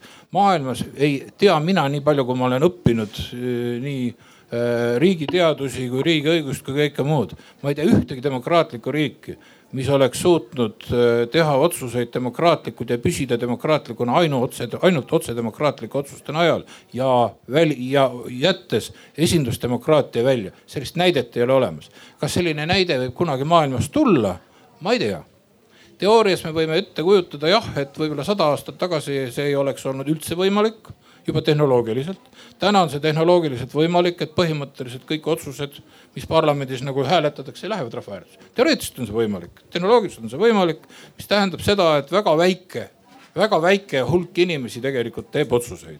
sellepärast et seda, et eh, suur arvukas, suur, suur protsent inim, inimestest eh, kõikide detailidega, nii muudatusettepanekutega, lõpphääletusest rääkimata, suudaks selles protsessis kaasa olla, kaasas olla, see ei ole lihtsalt võimalik selles mõttes professionaalne parlament on demokraatia tagatisena kindlasti tugevam. siit väike lüliga kapsaaeda, mida nagu meie kunagine liige Margus Tsahkna välja tõi, et, et kas piisaks, kui näiteks parlament töötaks eh, nädal aega kuus ja oleks siis nii-öelda mitteprofessionaalne parlament, et inimesed oleksid muudel elualadel ja, ja tegeleksid siis poliitikaga nii-öelda muu eluala kõrval, noh ülemnõukogu süsteem nagu enam-vähem, noh vastan siis läheks võimukese väga tugevalt ühte teise kohta ja parlament muutuks rikaste klubiks parlamendis hakkaksid domineerima inimesed, kellel on piisav sissetulek, et äh, saada osta endale see sinekuur, aga reaalses, reaalne ots, otsustuskeskus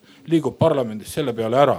nii et selles mõttes, et me võime, ma arvan, et me oleme täiesti adekvaatsel teel, kui me arutame seda, kui suur osa demokraatias on otsus, otsedemokraatial. aga kui me arutame seda, et me kaotame ära esindusdemokraatia, asendame selle otsedemokraatiaga, siis me elame ma arvan, et parimal juhul autoritaarses riigis, halvimal juhul totalitaarses riigis. kui tohib, ma ka täiendan vastust Riinale, et, et ma arvan, et ma, ma ei ole üldse nii optimistlik, kui sina oled selle rahva ootuse osas tegelikult äh, siis äh, sellisele osalusdemokraatias kaasalöömisele, et, et need on ikkagi äh, tavaliselt see, see soov osalemiseks on, on, et see peab olema võimalikult lihtne, lühike ja et ma ei peaks midagi lugema, mingeid dokumente läbi, millessegi süvenema, vaid lihtsalt ma saaksin öelda seda, kuidas ma soovin, et asjad oleksid. ja et mind ei tüütaks eriti need, kes arvavad teistmoodi oma juttudega selle juures, et ma, ma kardan, et seda on oluliselt rohkem selles, mis, mida sa tõlgendad siis väsimusena esindusdemokraatiast ja, ja soovina osalusdemokraatia järele ja ma kommenteeriks ka Riinat, et äh, tegelikult ühiskonnas see hulk inimesi, kes on äh, erakondadest väsinud, on kogu aeg nelikümmend, viiskümmend protsenti. see on, see on kogu aeg, noh, ma arvan, et juba pärast Laari esimest valitsust tekkis inimestel väsimus poliitikutest ja poliitikast. Äh, see on üks ja teine asi on see, et sa ütlesid, et, et EKRE tõuseb, EKRE ei tõuse sellepärast, et EKRE on hea. tõenäoliselt põhjus on pigem see, et et kuskil on mõned erakonnad nõrgemaks jäänud, ma ei tea, kas igaveseks või ajutiselt, see annab valusa tõusuks. Ja eks meil on ka täna parlamendis paar, paar-kolm erakonda, kus, äh, mille paremat, ütleme paremat päeva statistika mõttes või reitingu mõttes võiks alles ees olla et äh, EKRE ei tule sellepärast, ei pääse või ei ole kasvamas, et, et kuskil on tühi koht ja tühi koht on tekkinud millegipärast. ja ma arvan, ka siin telgis ja teatakse ja on mõeldud sellele. aga ma annan nüüd vahepealt saali ka ja. sõna, et seal juba mitu tänan, Marek Mägi. Demokraatia ei ole ju see, et kõik otsustavad kõikide asjade kohta. Demokraatia on see, kui otsustavad need, kes maksavad ehk vastutavad nende asjade kohta. seetõttu ongi see esindusdemokraatia kaasamine kaasamine võiks olla siis nii-öelda see osalusdemokraatiale lisaks. ja lahendus selleks on mitmekojalisus. võib olla mitmekojaline riigijuhtimine, mitmekojaline mingisugused tasandid, ei pea ilmtingimata olema riik olema mitmekojaline, võib ka kohalik tase olla mitmekojaline tänasel päeval ehitatakse seda kojalisust ju selle peale üles, et tekivad mõjugrupid, noh siin kaubandus-tööstuskoda, ma ei tea, kes pensionäride liit ja nii edasi, mis on siiski vähem demokraatlik. kui nüüd lahendada seda olukorda mingisuguse kojalisuse meetodil, kasvõi see, mis kunagi Päts üritas selle viimases äh, põhiseaduse muudatuses, mis ei rakendunud, kahekojaline Eesti, siis see teine koda põhimõtteliselt saaks ju rakendada sedasama probleemi või vähemalt väljendada, seda auru välja lasta selle kaudu pensionäride liidud ja muud sellised katusorganisatsioonid on ka ju tegelikult ikkagi pigem nagu kahekümnenda sajandi äh, näide sellest ajast, kus see selline organisatsioonidesse koondumine ja siis oma esindajate läbirääkimine äh, oli noh niisugune üks, üks äh, ainus võimalus äh, esindada, et, et tänapäeval noh, järjest rohkem ongi ju seda, et, et ega inimesed siis ei, ei soovi asutada organisatsioone, vaid nad tulevad kokku mingisuguse konkreetse teema või mure ümber, mis neil on ja pärast seda lähevad nad laiali, nad mingites teistes kooslustes võivad olla teises koosseisus ja seisa mingi teise teema eest ja, ja, ja kõik selline organisatsiooniga kaasnev bürokraatia on see, mida, mis on muutunud ebavajalikuks ja, ja noh, ma arvan, väga soovitud ei ole ta kunagi kunagi kellegi jaoks olnud? jah, siin on praegu mitu küsimust õhus kõigepealt noh, nagu see kodade süsteem sellise nõuandva ja inimesi esindava koguna, see osaliselt ju eksisteerib ja, ja, ja ma arvan, et seda võib ka edasi arendada. nüüd on teine küsimus, kui see nüüd, see kodade süsteem hakkab riigi valitsemist läheb, läheb tugevalt riigi valitsemisse. et eh, see on ju läbi mängitud asi, ma ei tea, kui populaarne see Eestis võib olla. noh, Pätsu ajal kolmekümne kaheksanda aasta põhiseadus rakendus küll, miks ta ei rakendunud? Eh, rakendus ka kahekojaline parlament, eh, kaheksakümmend saadikut riigivolikogus ja, ja nelikümmend saadikut riiginõukogus, aga esiteks see tähendaks ju parlamendi suurendamist, arvuliselt suurendamist, mitte vähendamist. Eh, see ei pruugi olla väga populaarne tees. teine küsimus, see tähendas väga selgelt demokraatia piiramist et ei saa me niimoodi öelda, et kui on rohkem saadikuid, on alati rohkem demokraatiat. mõtleme selle nii-öelda riigi, riiginõukogu peale ikkagi. ega riiginõukogu ei valitud. riiginõukogu oli ju ametikohtade järgne või siis presidendi määratud.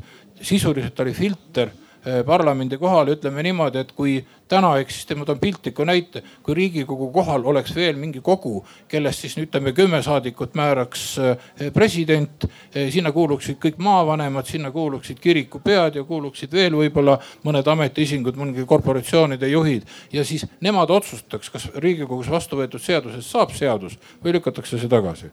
no see nüüd demokraatiat eriti ei laienda.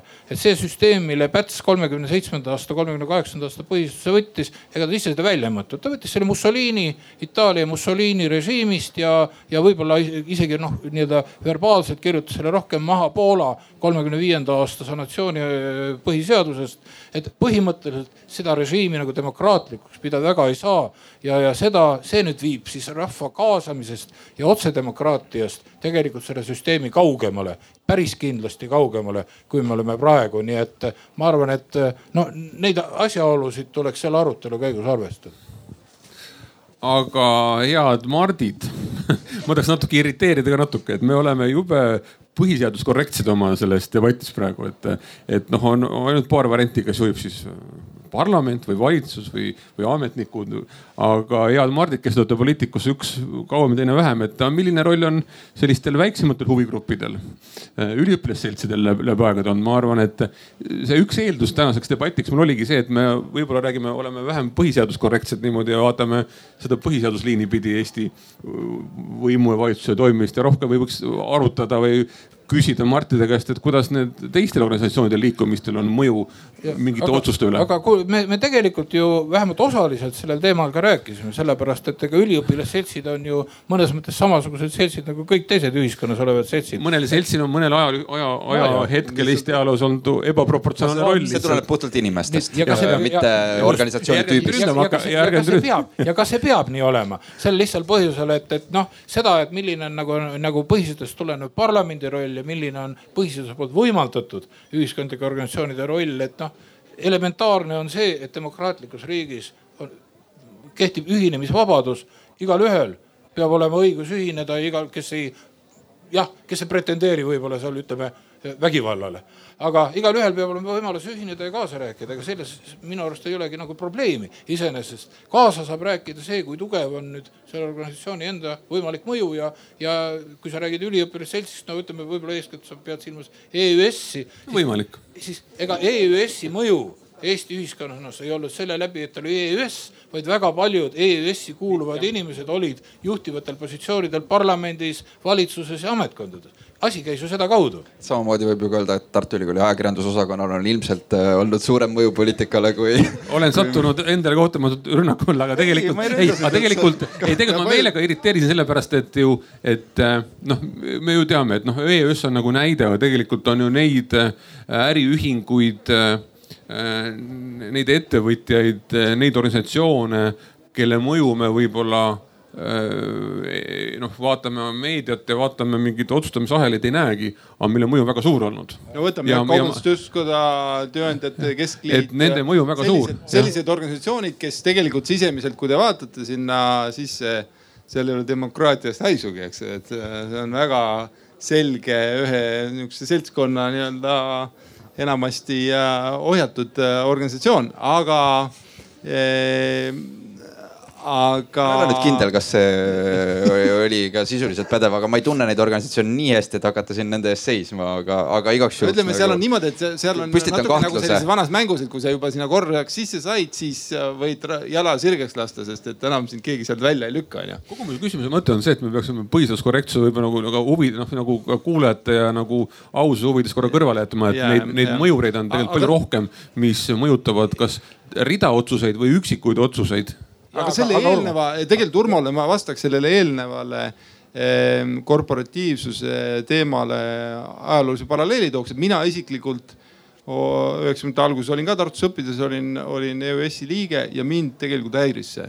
et mina tahtsin nagu nii-öelda oma käekirja või noh, oma töömehe teed rajada iseenda võimetest lähtuvalt ja mind häiris see, et et riigiametis tundus nii, et EÜS-i liikmeks olek oli juba nagu pool CV-d oli täidetud tegelikult, et ja, selle arvelt sa said, said lihtsalt ametisse. ja, ja või võib-olla sa noh mõtestad natuke lahti, mida selle põhiseaduskorrektsuse lõid silmas pead, sellepärast et ükski õigusriik ei saa eksisteerida, kui ta tegevus ei lähtu põhiseadusest. me ei saa seda kuidagi ignoreerida. ma lähtun sellest, et me räägime äh, nagu natuke silmaklappi tegelikult on rahvas parlament, valitsusametnikud ja me noh, esimese tunni ja veerandi jooksul kordagi maininud erinevaid organisatsioone, huvigruppe. kuidas nii?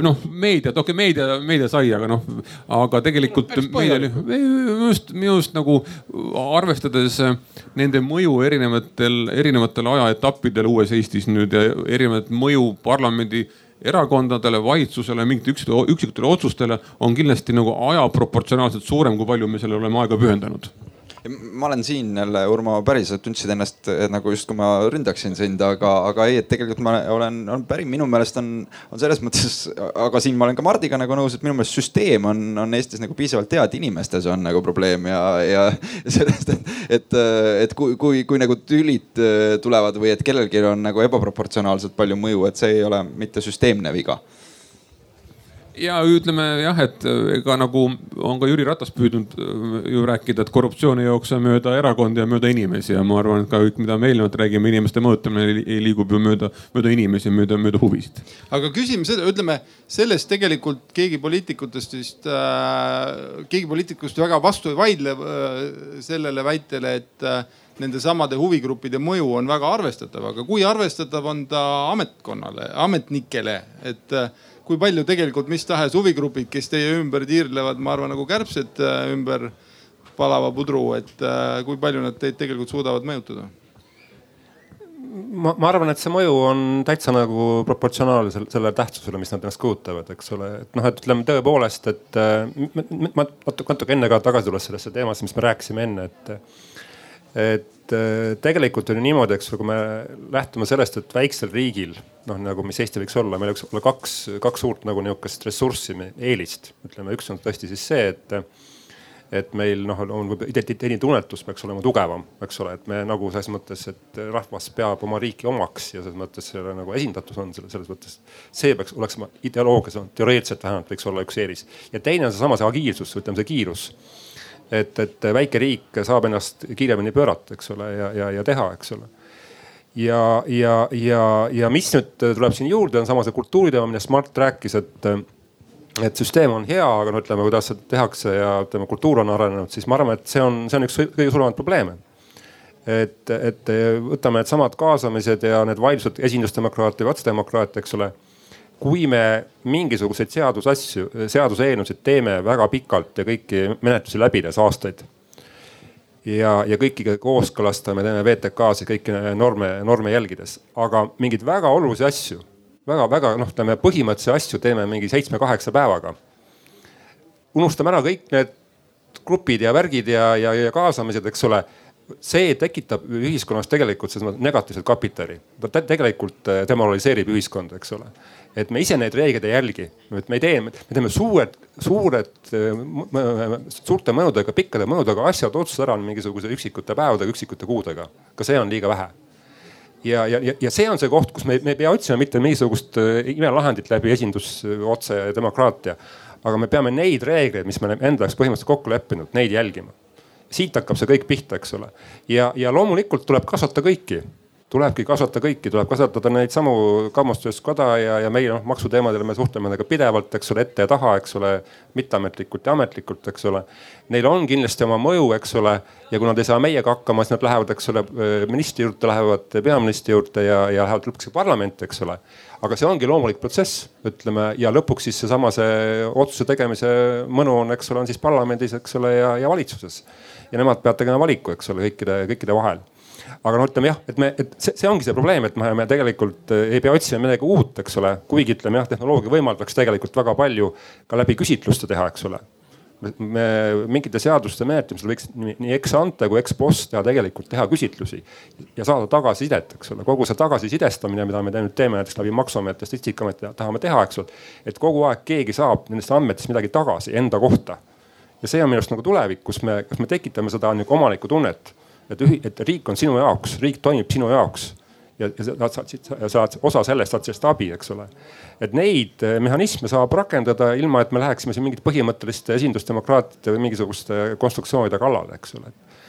ja, ja, ja see ja, ja pigem on probleem ka meie nendes samades kodades ja et nad on, on, ei ole piisavalt eh, nii-öelda kuidas öeldakse, motiveeritud ja aktiivsed ja kaasa mõtlema ja on, ütleme küsimus on ka ja pädevuses, eks ole, et noh, ütleme, et nad ei ole selles mõttes väga tugevad rääkimata mingit üksikutest liitudest või teistest, eks ole, nad tegelikult. Eh, kui sa midagi küsid nende käest ette, et kuule mingi direktiiv on seal Euroopas, me nüüd seal arutame seda, et, et kuule, mis teie arvamus on, ah jah, et siin me vaatasime, mingit arvamust pole, et noh, et sobib küll. ja siis no, aasta pärast hakkame direktiivi üle võtma, siis on, mis jama, kes nihukese jamaga on hakkama saanud, eks ole, et, et. et no minu arust nagu no ütleme, neid mehhanisme tuleks arendada, mitte nagu minna niimoodi nii-öelda alustalade kallale. aga kuidas ikkagi kaasamisel äh noh, vältida seda nimbi olukorda või seda, äh, et sa lähed maksumaksjalt küsima, kas, äh, kas sa oled nõus, et me tõstame nüüd maksu, onju. et me teame ju vastust ette, onju, ükskõik mis vormis me teda kaasame ja no kindlasti teame ja noh, selles mõttes see ongi seesama noh, ütleme mitte mustvalge maailm, eks ole, et me, me, et meil on nagu värviline maailm et, et noh, küsimus tuleb püstitada niimoodi, et kas sa oled nõus, et me tõstame seda maksu või teist maksu? Mul või, või kas sa, kas sa, kas sa, kas sa oled nõus sellega, et me langetame neid kulusid või, või, või, või tõstame seda maksu, eks ole? et saad ise vitsa valida vähemalt endale. Äh, aga ei, äh, mul on siiski ka konstruktiivsem äh, lahendus sellele, et, et vot ei ole ju ainult niimoodi, et inimesed on nagu tohutult küüned enda poole ja üldse ei saa aru nagu ka mingitest raskete otsuste vajalikkusest või, või sellest, et, et me teeme praegu mingisuguseid otsuseid, meil on raskem, aga see on sellepärast, et tulevikus meie lastel oleks parem või, või nii edasi, seda teevad inimesed omaenda isiklikus elus, ma arvan, suhteliselt pidevalt ja suudetakse mõista ka riigi puhul.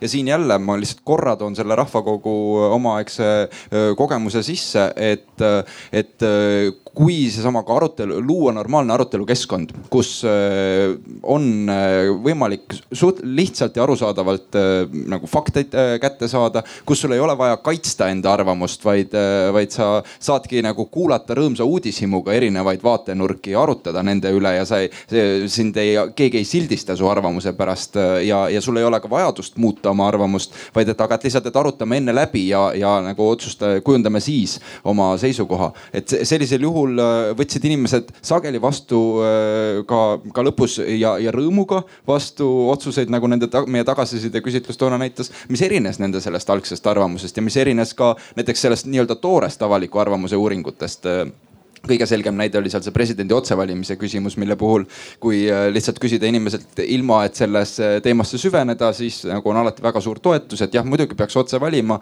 ja, ja rahvakogu arutelupäeva tulemusel oli ülekaalukas toetus äh, sellele, et, et ei, et on mõistlikum on praeguse süsteemi jätkamine et mul ei ole vaja seda äh, nagu endale veel ühte õigust juurde saada, ma hea meelega loobun sellest õigusest et ma usun, et ka maksude puhul see iseenesest kehtib, et kui äh, asju normaalselt arutada, siis äh, muidugi ma saan aru, et mingeid makse tuleb maksta aeg äh, väga kiiresti kihutab meie nii-öelda debati lõppu, aga annan saali veel üheks korraks. vabandused, et ma täitsa äh, uue teema tahaksin äh, sisse tuua, aga ma tahaks kõigi käest tegelikult vastust saada. ja see on nagu viimaste mm, poole aasta tendents minu hinnangul ja see puudutab tegelikult huvigruppi, millest me võib-olla vähe rääkisime ja, ja Veiko Tali, keda kõige rohkem esindab, on riigiametnike huvigrupp. ja kui üldiselt on ajaloos olnud tavaks, et riigiametnikud noh, täidavad oma rolli vastavalt siis, mis ekspertiisi või ala nad esindavad. näiteks Siim Raie, kui ta oli presidendi kantselei direktor, siis ta asus võitlusesse presidendi ees ja presidendi huvides äh, nüüd, kui ta on muinsuskaitses, siis ka ta nagu temaatiliselt võtab sõna, aga ma näen nüüd lühikese aja jooksul kolme juhtumit, kus riigiametnikud sõidavad, panevad gaasi üle ministrite peade või üle oma siis valdkonna. et nad võtavad, mis on nende huvi või motiiv on nagu teist teine, aga ma toon kolm näidet üks oli eh, võib-olla kõige halvem näide on nüüd praegu, et Riho Ühtegi, minule tema väljaütlemine meeldis muidugi. ma ei ole valdkonna inimene, aga valdkonna spetsialistid olid väga pahased ta peale, et kuidas ta ütleb eh, rahvusvaheliselt tundlikul teemal, et, et venelased surevad, kui nad meid ründavad kolme päeva jooksul, et see pole tema rida eh, sellise ametnikuna niimoodi üldsegi väljenduda. teine näide oli Dmitri Jegorov, Veiko Tali alluv, kes ka ütles Facebookis välja paar mõtet, mis noh, ei olnud nagu tema pädevust tollel hetkel võib-olla väljendada, kuigi ta oli südamevaluga, tegi seda kahtlemata. ja hiljutine näide oli Rait Kuuse, kes siis tegelikult sõitis üle Kaia Evapea, kes ütles, et neli aastat valdkonnas, mida tema nagu on esindanud, on totaalselt nagu kõrvalesõitmine. et tegelikult, kas seda tendentsi, et riigiametnikud võtavad ava, avalikult sõna, peaks soodustama? kas see on õige või, või, või kuidas te suhtute sellesse? palun kõigi kommentaare no need on kõik väga erinevad kaasused tegelikult. Äh, need ja ma arvan, et see Riho ühtegi võib-olla Eesti siin avalikus ruumis tekitas sellist hämmeldust, et miks me provotseerime Venemaad, aga minu teada nii noh, NATO riigid ja mitmed nagu Lääne-Euroopa riigid on väga õnnelikud, et, et kuskil NATO riikide seas on keegi kõrge sõjaväejuht, kes nagu ütleb ka midagi välja, et ei ole sellised poolpehmed avaldused. aga vastates su küsimusele, mulle kohutavalt meeldiks, kui Eestis julgeks inimesed rääkida mulle kohutavalt meeldib see, et inimesed ka sõltumata on ta minister, kantsler, asekantsler, osakonnajuhataja või keegi, inimestel peab olema õigus rääkida. aga siit me jõuame tagasi selle Alari Rammo ERR-i intervjuu juurde, et inimesed võiksid rääkida faktidega ka äh, riigiametnikud, miks nad ei võiks rääkida faktidega ja miks nad ei võiks öelda, kui see fakt näiteks tõesti siis lükkab ümber tema enda ministeeriumi mingi seisukoha või tema ministri seisukoha ja ma arvan, probleem ei ole faktides, tihti inimestele tundub, et probleem on emotsioonides. Ja need kolm, neist kolmest tegelikult ju oli üks oli natuke emotsionaalne, Riho ühtegi. Ülejäänud olid väga faktipõhised ja, ja mulle meeldis, et ma, ma, ma, ma küll ei tahaks, et meil ühiskonnas tekiks mingi grupp inimesi, kes ei tohi rääkida, kes ei tohi rääkida, kuna nad ei ole poliitikud või ministrid inimestel peab olema õigus rääkida ja see näitab ka meie ühiskonna tugevust. et me kõik saame rääkida, kõik saame öelda, aga kõik saame faktidele toetudes rääkida, mitte, mitte olla lihtsalt emotsionaalselt kurjad ma olen täiesti nõus lihtsalt sellega, mul on, võib-olla see tuleb sellest, et mul on riigiametnikuna töötamise kogemust veel väga vähe elus, see on esimene kord. ja aga, aga ma lihtsalt ei kujutagi ette, et, et kuidagi saaks see olla teisiti, et, et inimene ei tohiks rääkida jah, ma haaran jälle põhiseadust kinni. Äh, nimelt äh, riigiametnik on samasugune kodanik ja tal on kõik samasugused kodanikuõigused nagu igalühel et selles mõttes ei ole, nii palju, kui on riigiametnike õigused piiratud, nii palju on need väga konkreetsetes valdkondades väga selgel põhjusel. noh, näiteks on kaitsepolitseiametnikel näiteks teatavad asjad piiratud, aga üldiselt riigiametnikele üldiselt laiendada seda, et tal ei ole sõnavabadust, seda päris kindlasti ei saa. et see on muidugi natukene selline nii-öelda tunnetuslik küsimus, et kui palju riigiametnik ja see on ka tema tarkuse küsimus kahtlemata.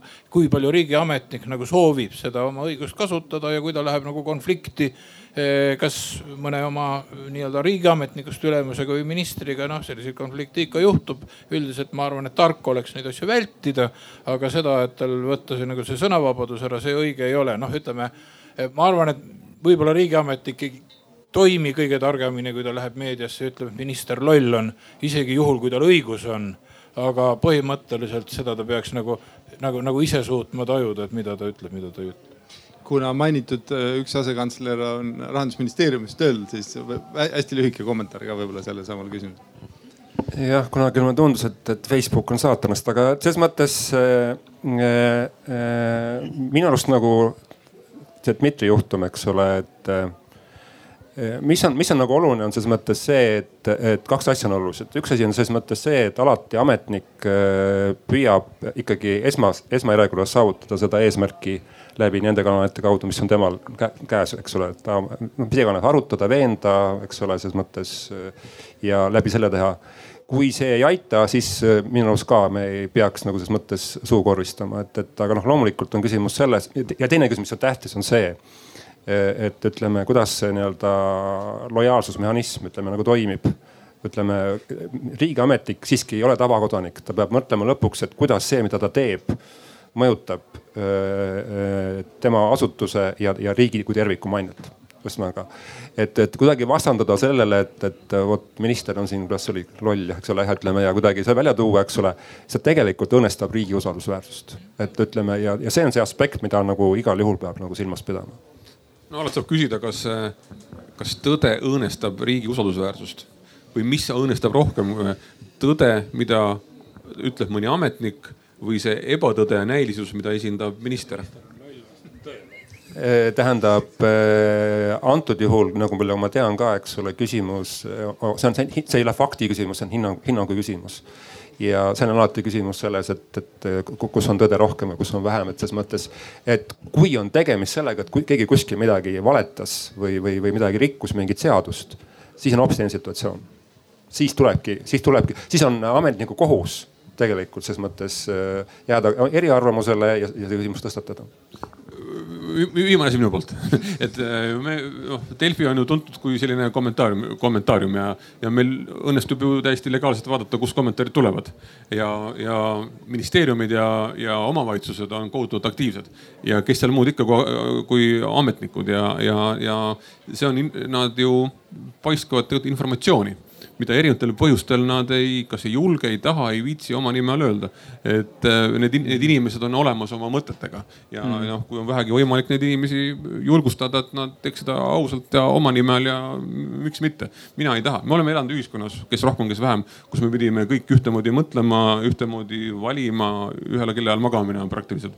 ma tahaks, et meil oleks suurem vabadus ja võimalus inimestel välja öelda aeg on meil küll täis, aga saalis on paar keskpäeva veel püsti. kas, äh, kui teil kiire ei ole, võib-olla vastame neile ära. jah, elame üle, okei okay,, ma annan siin mikrofoni üle. Kaupo Ahuna, siin enamus juttu oli või kippus demokraatia küsimuse peale, aga mul oleks selline küsimus päevakohane. kelle käes on Eestis võim, kas keegi oskab teist vastata? Mis sa nagu hüpoteetiliselt arvaksid, mis see saab olla nagu üks sõna vastus või, äh, või et nimi või? Äh? ütleme jah, põhimõtteliselt, kelle käes on Eestis võim. poolteist tundi on sellest räägitud. ja, ja kuule, ma äh, vasta, vasta, vasta võib-olla nii-öelda läbi, läbi kolme, kolme fraasi. esimene, äh, kui küsida seda vandenõuteooria, teooria, teoreetikult, siis ta vastab selle peale, võim on vabamüürlaste, juutide ja, ja jumal teab kelle veel, illuminaatide käes. kui sa küsid bolševikult, kelle käes on siis ta ütleb, et rahvusvahelise imperialismi käes. Äh, ma ütlen, vastan sulle, Eestis on võim jagatud. aga ma tahtsingi sinna jõuda ma tahtsingi sinna jõuda, tähendab, meil on seadusandlik ja täidesaatev ja kohtuvõim aga kas viimasel, viimastel aegadel ei ole märgata hoopis midagi sellist, et meediavõim kuidagi on hakanud suurenema, kas ei ole ohtu, et meedia haarab võimu? meedial ei ole selliseid instrumente, et võimu haarata. meedia saab võimu mõjutada, saab mõjutada kahtlemata, aga instrumente tal ei olnud. meedia ei saa kamandada sõjaväge kaitseväge, seda võimu meedial ei ole, seda ei saa isegi kohus teha. nii et selles no ma ei tea, võib-olla meedia esindajad vastavad sellele ma ei tea, mis te mõtlete, aga ma ei näe seda mehhanismi, kuidas valida. hea meelega aitaks kaasa valimisel, aga ei ole seda, neid eh, nuppe käes praegu. minu vastus sellele küsimusele on see, et kõikides olulistes küsimustes, mis minu elu mõjutavad, eh, tunnen ma, et minu käes on see võim ja ma usun, et eh, see võiks olla niimoodi iga inimese puhul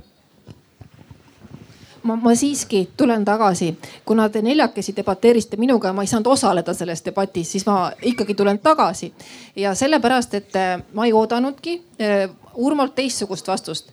Äh, ajakirjanikul on alati huvitav, kui tuleb erisuguseid arvamusi ja inimesed väljendavad ennast ja on intriigi ja on kaklust ja, ja on ka skandaali et tegelikult ka mina olen selle poolt, et ei tohi riigiametnikke suukorvistada. aga tegelikult, milleni ma tahtsin jõuda, miks ma tõin Siim Raie näite? me teame, et president Ilvese kantseleis oli väga mitmeid skandaale. ta tegi kõik selleks, et need ei imbuks välja. ja nüüd ma küsin, Urmo Kübar, sinu käest. et kui sinule tundub, et president Kaljulaid läheb vasakule, läheb kraavi, kas sa siis võtad ja kirjutad Delfile loo, et mu käed jäävad liiga lühikeseks ja, ja ma ei saa midagi teha kui ta läheb kraavi, aga ma ei, no ühesõnaga ei ole lojaalne kirjutada halvustava loo see on nii praeguseks, eks ole, hüpoteetiline, sest noh, ma saan öelda, et mul ei ole ma ei ole kuidagi isegi poole peal selles või, või midagi, midagi nii, ei äh,. no ma aitan Urmat, ma aitan Urmat teist, teist Urmat. et minu arust Veiko Tali andis väga hea vastuse. väga, mulle ka meeldis Veiko, lemmik. et kui on siis äh, organisatsioonis, ütleme antud juhul siis riigiasutuses või presidendi kantseleis midagi untsus või mida, mingi protsess, mis, mis ei meeldi mõnele, mõnele ametnikule. mina arvan ka, et esimene koht äh, ei peaks olema Delfisse kirjutada noh kodanikuna. mulle meeldiks, et kodanikuna, et see kitsaskoht lahendatakse organisatsiooni sees ära ja kui seal algab mingi pusserdamine, vusserdamine, eh, siis on tõesti, võiks olla meedia see, mis aitab, aga, aga ma arvan, kõik esimesed tülid tuleks lahendada pere sees ära ma ei arva, et äh, oma pere tüli viia kuhugi äh, lugejate ette on see nagu kõige ratsionaalsem lahendus. või oma motivatsioonid näiteks. aga see ei ole ju ka ainult jälle mingisugune tõesti riigiametnike kuidagi eripära. ei ole, ei ole. ma arvan, et Eesti elule tuleks kasuks ka, kui see kõikides äh, tasandites seda nagu rohkem järgitakse, et kõigepealt ma üritan äh, lahendada asju nendega, kellest äh, selle asja lahendamine sõltub ja teen endast parima, et, et seda olukorda paremaks muuta et eks need olid, nagu Urmo ütles, väga erinevad kaasused, et ühtegi tõenäoliselt lihtsalt langes natukene noh, ei saanud head, ütleme välissuhtlusnõu ja sealt kisti see kontekst välja, aga kummastav oli lugeda tõesti asekantsleri, kes ise vastutab valdkonna eest, sellist pikka lugu sellest, kuidas kõik on tema valdkonnas väga sassis onju, et et, et millega ta siis tegeles seal nii kaua onju. see oli tegelikult poliitiline ju väljatulek Eesti kakssada värvides. just, just, just, just, aga nii võib ah, küsida või? küsida või kommentaarida või lihtsalt anda teile informatsiooni, et te räägite, et inimese ei tohi suukorvistada ja peab olema julge rääkida ja minul on ühe Eesti riigiasutusega oli nüüd juba leping, kus oli kirjas punkt ma julgen ka öelda, et see oli Ettevõtluse Arendamise Sihtasutus. lepingus oli punkt, et äh, mina ei tohi initsieerida meedias või toetada kajastuste tekkimist, mis kuidagi riivab nende mainet nende tegemiste või tegemata jätmiste kohta. siin ei ole midagi konfidentsiaalsuseni, vaid üleüldse selline punkt ja mõne aja pärast mina kahtlustasin selles asutuses korruptsiooni, ma rääkisin ka majas sees nõukoguga, juhatusega. minu, mina ei tea, et ma oleks, ma ei saanud mingit tagasisidet, midagi seal juhtus. mõne aja pärast ilmus meedias ühte-teist sel teemal ja mind karistati selle lepingupunkti rikkumise eest, visati lepingust välja ainult kahtluste põhjal. ja minu meelest see on ka põhiseadusega vastuolus, sest mul on sõnavabadus see võeti mul ära lepinguga, riigiasutuse poolse lepinguga. pöördusin ka õiguskantsleri poole, ta ütles, see on eraõiguslik leping, ta ei saa midagi teha ega seisukohta võtta. et võib-olla oskate kommenteerida, kas minu põhiõigust on rikutud või ei ole? no eraõiguslik leping vist äh, võimaldab sellist piirangut panna ma siiski päris nii ei arva, kui eraõiguslikus lepingus on kirjutatud, et sa loobud oma poliitilistest õigustest näiteks, siis sellega rikutakse põhiseadust. jah, see on õigustühine selles mõttes, ega ma arvan, et see jah no võib-olla viimase, viimases hädas ei jäägi muud üle jah, tõesti. aga, aga, aga põhimõtteliselt seda, et eraõigusliku lepinguga sa ei saa kirjutada sisse diskrimineerivaid sätteid. et selles mõttes eraõiguslik leping ei ole ülimuslik põhiseaduse suhtes. Anna veel korra saali küsimuseks Ta,. tahaksin kõneleda sellest, ma kuulsin siia tulles, ma alguses ei olnud, et räägiti, kelle käes on võim mõistlik on vaadelda riiki kui süsteemi. automaatsüsteemi, mida juhitakse veasignaali järgi, mitte võimuga. võimuga juhitakse väga lihtsaid süsteeme muide, programm kirjutatakse ette ja ta täidab seda. tavaliselt see asi lõpeb kraaviminekuga muidugi. nii et kui on veasüst-, vea järgi juhitav süsteem, siis tuleb arutada riigi puhul, kust see viga saab, tullakse, saab ja kui kiiresti selle saab meil on parlamentaarne süsteem, tähendab iga nelja aasta järgi valimised. Õnneks nelja aasta järgi ma kunagi rääkisin ühe Torontos elava eestlasest lennuväe kapteniga, ütles, et vaat kus teil on elu, siis oli kolmeaastane järgi meil elu, valimised. Meil on seitsme aasta järgi, seitse aastat käid rusikas rullis taskus, mitte midagi teha ei ole. Neil on siis nelja aasta järgi, aga tegelikult tegelikult tahtsin teie käest küsida, mis te arvate sellest, kui rakendada meil valitavate organite ja ka isikute tagasikutsumist võimalust, mis tähendab tunduvalt kiire, operatiivsem tagasiside kui nelja aasta järgi. minu meelest oleks seda arutada. paljudes riikides see on olemas. jah, konkreetne küsimus. väga selge. Seda on teoreetiliselt võimalik kasutada majoritaarse valimisega riikides. Eh, ma ei tea, kui palju neid on, kes seda rakendavad, noh Nõukogude Liit seda kasutas muidugi, aga Nõukogude Liit sai valitud ka. Minu teada britid ja ameeriklased seda ei kasuta. Proportsionaalse valimissüsteemiga riigis seda ei saa kasutada, ei saa kasutada sellepärast, et valitakse nimekirju. Ja nimekirjade valimisel ei ole olemas, sul ei ole võimalik tuvastada, kes hääletas sinu poolt ja kes muudab sellega seisukohta. kujutad ette, see tundub suhteliselt jabur, kui näiteks ütleme valimisringkonnas, näiteks ütleme mind valib, valivad minu toetajad, ma saan parlamenti, aga minu vastased, keda võib-olla arvuliselt on rohkem, kes valivad näiteks ütleme keskerakondlasi, kutsuvad mu tagasi ja nii hakkabki see olema selle nelja aasta jooksul kutsutakse mind kakskümmend korda tagasi ja kakskümmend korda valitakse parlamenti. ma arvan, et see süsteem lihtsalt on suhteliselt mõistusevastane ja, ja me oleme kena akadeemilise tunni läinud üle oma lubatud aja, nii et äh, ärge lootkegi, et me lõplikult äh, teile sellele küsimusele vastame. aitäh, Urmod, aitäh, Veiko ja Mart äh,. ja arutleme edasi, järgmine debatt on Isamaa telgis äh,, mis ta siis on, kell, kell kuus.